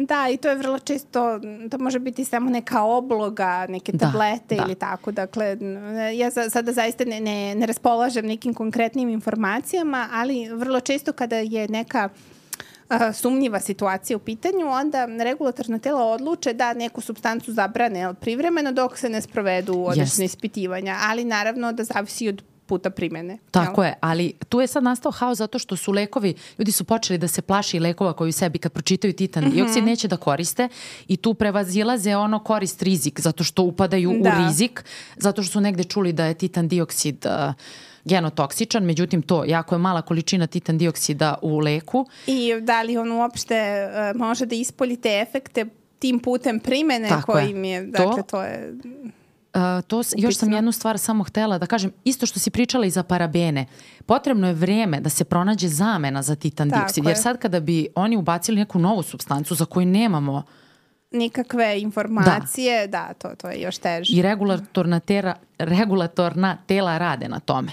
Tako da treba prepustiti to ljudima koji se bave. tako je. I opet ću ostaviti link za ovo istraživanje. Epizodu, istraživanje. Da, sve, sve ćemo ostaviti jer je bitno. Znam da će imati ljudi pitanje.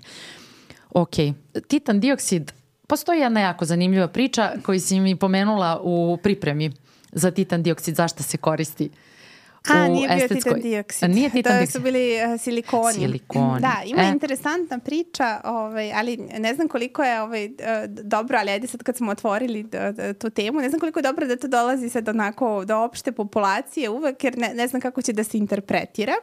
Ali interesantno je, na primjer, da eto sve što je uh, novo i neispitano, ali tako sa sobom nosi neke rizike. I uh, postoje uh, silikonski implanti za grudi, različitih vrsta. Ali ja sam to sticajem okolnosti videla kad sam bila u jednoj laboratoriji koja se bavi uh, nanotehnologijom i metodama karakterizacije i jedan od njihovih, to je laboratorija Evropskog istraživačkog centra, tako da oni dobijaju određene zadatke od Evropske komisije da, da ih reše jednostavno. Jedan od zadataka se uh, odnosio i na ove implante, a šta je u stvari bio problem? Starija generacija uh, tih implanata je imala glatku površinu I a, to je u toku primene dovodilo do toga da se implant možda pomeri, jel tako, i da grudi izgube oblik ko, koji bi trebalo prirodno da imaju što naravno nije zgodno, jer ujutru kad se probudite pa morate da namestite toga, to što se ne dešava prirodno. I onda je takav implant e, zamenjen e, jednim koji ima takozvanu hrapavu e, površinu. Uh, ta hrapava površina naravno da je omogućila da on možda bolje prijanja, da, da, da jednostavno postoji veće trenje i da se ne pomera. Međutim, a, ispostavilo se da a, takvi a, implanti dovode do razvoja određene vrste karcinoma kod žena koje ih imaju. Dakle, Ovi sa hrapavom sa površinom. Sa hrapavom površinom. I sad, to je isto sad upitno koliko je to statistički značajno. Dakle, ja ne znam prave brojke i sad vi ako razgovarate možda sa nekim ko je e, iz domena plastične hirurgije, dao bi vam verovatno možda neke e, konkretnije informacije. Ovo je samo moja onako a, prvi susret sa tim i bilo mi je vrlo interesantno. A šta pretpostavljaju da je uzrok? Da se sa te hrapave površine um, ispušta određena količina tih nano čestica sa takve hrapave površine, da ona uzrokuje jednu vrstu inflamacije, dakle jednu vrstu upale u tkivu, što u posledično može da dovede do razvoja karcinoma. Da li je to tačno ili ne, još mora da se utvrdi, ali sada, na primjer, ta laboratorija radi na uh, uspostavljanju standarda kako da se odredi koja je to količina nanočestica koja se otpusti sa površine silikona. Postoji jedan ISO standard koji se time bavi, međutim nije baš prilagođen, jel? Ima to sad e, neka procedura koja je propisana, ali nije, um, nije adekvatna za datu e, vrstu proizvoda, tako da eto ta, između ostalog ta laboratorija se bavi i time, dakle procenom da li i ko, u kojoj količini se otpušta, uh, otpuštaju nanočestice sa površine takvog implanta. Tako da to nisu sve stvari nužne da ih da. koristimo, ako ne moramo, možda možemo i da, da preskočimo. Da, preskočimo. da. Nemamo ništa protiv estetske Naravno, hirurgije, ne, samo i ona da. ima svoje, svoje mesto, ali je to ovo jedna od da, interesantnih priča. Da, da, da. da, da. I, ali je to građujem se, dakle to, uh, ja ne raspolažem sada pravim brojkama i možda to prosto kada pogledate statistiku možda, jel, nije toliki rizik, ali to i dalje je zvanični zadatak te laboratorije, mm -hmm. dakle da se pozabavi ovim pitanjem. Da. A, a što se tiče silikona, u kozmetičkim proizvodima tu isto postoji dosta mitova. Ma da, ali to su pr prosto sastojci kozmetičkih proizvoda koji se dugi niz godina i koriste, imaju niz benefita, dakle oni uh, mogu da kožu štite, ne ostavljaju onaj mastan trag koriste se i u proizvodima i za zaštitu kože i za kosu, dakle prosto kako bih rekla, njihova je primjena vrlo široka. Oni jesu, samo nisu prirodnog porekla, pa je i to jedan od razloga što su možda napadnuti kao, kao da. sirovine. Da li, kako nastaju silikoni?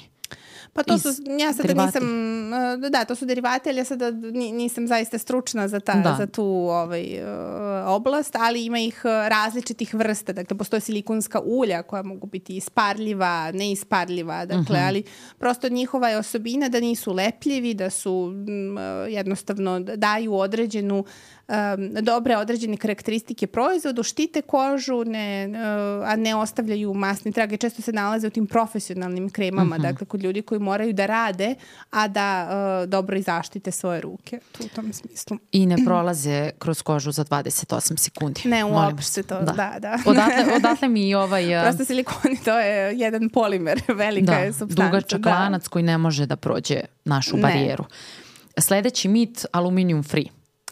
A, da, postoje ovi proizvodi, e, to su u stvari dezodoransi, antiperspiransi, prvenstveno koji um, kao uh, neku od aktivnih kozmetičkih sastojaka mogu sadržati soli aluminijuma. I soli aluminijuma treba da zapuše znojne žlezde i da spreče uh, izlučivanje znoja ili da ga smanje, što je taj antiperspirantni efekat. Međutim, isto se proširila određena informacija da osobe koje koriste dezodoranse koje sad, koji sadrže aluminijum, da to izaziva karcinom dojke i tako dalje. Dakle, ni tu ne postoje dokazi koji to mogu da potkrepe, ali slično kao i sa ostalim situacijama, uh, čim dođe takva informacija, onda naravno da ćemo sad staviti etiketu da je aluminium free i zameniti ga nečim drugim, uh, nekom drugom solju i onda uh, jel, iskoristiti to što potrošači sada više ne žele da, da kupe nešto sa aluminijumom, kupit će i možda skuplje platiti neku zamenu, a i dalje dakle, ne postoje dokazi koji mogu da koreliraju ove dve stvari. Dakle, da postoje uzročno-posledična veza između primene um, aluminijuma u dezodoransima i um, pojave karcinoma dojke. Ono što je svakako mogu da kažem je naravno da dezodorans primenjujete ispod pazuha, ali nemojte ga primenjivati odmah nakon depilacije, brijanja. Mislim, to je prirodno i aluminijum se mnogo više unosi kroz neke druge puteve, uh, kroz ishranu, na primjer. Uh mhm. -huh. Pa da, imamo običnu aluminijumsku foliju koja ako se nepravilno koristi, može doći do migracije aluminijuma. Tako je, Ako da. se koristi za vruću hranu, kiselu i da, tako dalje. Da, to je da. tipičan primjer, da. da. Kiselina da. i aluminijum. Da. Folije, to je da. I za kraj imamo a, aplikacije za analizu sastojaka u kozmetičkim proizvodima. Šta misliš da. o tome? Ja ih ne koristim uopšte. Zato da. što mi samo unosi pa mi neku da nervozu zbune. i strah. Da. da. Postoje um, uh, različite aplikacije. Postoji jedna zvanična baza uh, kozmetičkih sirovina. Uh, međutim, uh, i u tim aplikacijama i u toj bazi vi dobijete određene informacije o datom kozmetičkom proizvodu, odnosno o datom, datoj kozmetičkoj sirovini, o sastojku, ali uh, ona nije baš pogodna za nekog ko nema odgovarajuću pozadinu u smislu obrazovanja. Dakle, vi možete da upišete naziv ne, nekog sastojka i takva aplikacija će vam izlistati potencijalne uloge datog sastojka. Međutim, nisu one sve uloge u tom proizvodu, ne, um, možda i neka treća koja nije navedena, ali tako? Tako da sve zavisi od konteksta šta će određeni sastojak raditi u nekom uh, proizvodu, to zavisi od konteksta, od vrste uh, kozmetičkog proizvoda. Pa, mislim, uvek pričali smo i u farmaceutskoj tehnologiji kada govorimo o leku, jedna te ista substanca u različitim oblicima može imati skoro različite uloge. Uh, A, tako da ja se ne bih uh, mnogo oslanjala na to zato što da, zaista može da unese neku zabunu jer vi morate dobro poznavati druge, uh, druge sirovine i druge sastojke datog proizvoda da biste mogli da zaključite šta je zaista uloga te neke konkretne koje vas interesuje. Ja lično ih isto ne koristim i um, prosto uh, trudim se da ako analiziram sastav nekog kozmetičkog proizvoda, naravno da ne mogu znati uloge svih sastojaka. U kozmetologiji je to jedan tako veliki dijapazon uh, substanci da prosto nemoguće da ih sve poznajete, ali vi možete na osnovu svog nekog znanja hemije, na osnovu znanja tehnologije, dakle na osnovu iskustva koje imate možete pretpostaviti koja bi uloga na osnovu naziva hemijskog date substance, koja bi to mogla biti uloga u datom proizvodu, ali svakako nije nešto što, što potrošači treba sad nekako masovno da koriste. Dakle, to isto donosi do, do, dovodi do one situacije da sada su oni svi eksperti, svi, znam da postoje neke aplikacije da vi skenirate da, sada da, da, da. I ono po crveni. proizvod, po crveni, pa sad odmah ono, imate rak. Da, ne znam da. šta se dešava. Dakle, Uh, i dalje tražimo, prepustimo uh, uh, onima koji su za nešto stručni da se time bave. Da. I da li imaš neke uh, dobre izvore uh, informacija za kozmetičke proizvode, neki dobar blog, neki dobar sajt, srpski, na engleskom, sve da, jednako. Pa, um, to bih mogla možda kasnije da ti ovako uh, pošaljem pa da staviš ispod da, u, uh, da, u, blo, u kao opis. opis, da, ali postoje neki um, blogovi, jel, osoba koje su e, korisnici kozmetičkih proizvoda koji ne moraju biti uopšte loši, dakle koji navode svoje utiske o datom proizvodu, opisuju ih to, mislim, kada tražite iskustva možda to je interesantno, ali postoje i neki blogovi uh, ljudi koji su zaista stručni, pa onda i uz analizu uh, uh, sastava datog proizvoda to može biti interesantno, a postoji i zvanična baza kozmetičkih sirovina COS Inc. database, to je uh mhm. -huh. baza da, dakle Evropske komisije gde se mogu naći Uh, dakle, informacije o datim uh, sastojcima, ali to je opet malo više stručno možda mm -hmm. u mhm. tom smislu. Da li ti imaš neko pitanje za mene? I, I da li imaš neku temu o kojoj bi želala da pričamo u budućnosti, da više posvetimo vremena? E, hvala ti puno. Prvo na pozivu u ovaj e, tvoj podcast. Ja sam se jako obradovala i drago mi je što uh, pokrećeš neke teme i što ljude uh, usmeravaš da malo razmišljaju drugačije, da malo prošire vidike, ali tako, da ne veruju baš svemu što, što tako čuju i što zoveš ljude koji su zaista stručni, pri čemu ovde, eto, izuzimam sebe, ali govorim o ti kolegama. Hvala ti, ali govorimo o kolegama koji su do sada bili tvoji gosti i bilo mi uvek zadovoljstvo da, uh, da te slušam. Uh, što se tiče tema za uh, buduće tvoje uh, emisije i podcast, uh, ne, neke koje su me interesovale si uh, već pokrenula i mislim da je dobro ovo što si pričala i počela priču o vakcinama. Uh, pričala si o HPV vakcinama i, i to je zaista važno. To je jedna uh, um, kako bih rekla, savremena uh, tema, ne samo da su u pitanju vakcine, već i jedna specifična, jedno specifično oboljenje, tako, o kome moramo voditi računa, postoji prevencija i uh, mislim da je to bilo zaista važno. Mislim da niste imala možda o COVID vakcinama uh, Nismo. podcast, eto to bi mogla. Da, zato što ljudi baš imaju, dotakli smo se malo toga, ali nismo ih onako detaljno obradili. Uh, pozivam profesore sa farmaceutskog fakulteta, znam da su se bavili tom temom, da Eto, da nam budu to može i tu su naravno nanočestice takođe dale svoj veliki doprinos, to je malo da reklamiram svoju oblast, ali da, uh, da eto, to, to je jedno tema. Ima ih mnogo, ali eto možemo u nekom privatnom razgovoru da... Da, može i da pronađemo sagovornika koji naravno, želi da priča, možda temu. čak i više sagovornika, to je skroz ok. I ljudi, hvala tebi što si došla uh, i što si izdvojila vreme i što promovišeš nauku i što si uspela da preneseš sve informacije naučne opštoj populaciji. Pa to ja nije se baš... nadam, to ćemo videti. Da, da, ja uvek govorim da nekada ako, izvini sad sam te prekinula, ali kada si rekla opštoj populaciji, ako se vi bavite nekom oblašću, ja mislim da zaista znate šta radite ako možete nekim prostim jezikom ukratko da, da to svima, svedete da. i da to objasnite nekome da. ko nije, jer a, to što vi ne razumete nešto ne znači da niste obrazovani, vi ste da. školovani u nekoj drugoj sferi, zašto bi inženjer, filozof, profesor fizičkog vaspitanja znao šta je vakcina, je Apsolutno, tako? da. Tako da. da mislim da, da ovo što radiš da je jako, jako važno. Pa što bi moj producent rekao, ako ne možemo da objasnimo detetu, nismo ništa Tako uradili. Je, pa e, upravo. Zato što treba svima da, da objasnimo i to je to. Ljudi, hvala vam. A, ako imate dodatnih pitanja, postavite nam u komentarima. Mi ćemo se potruditi da u narednom periodu odgovorimo na sve to u nekoj novoj epizodi. Hvala.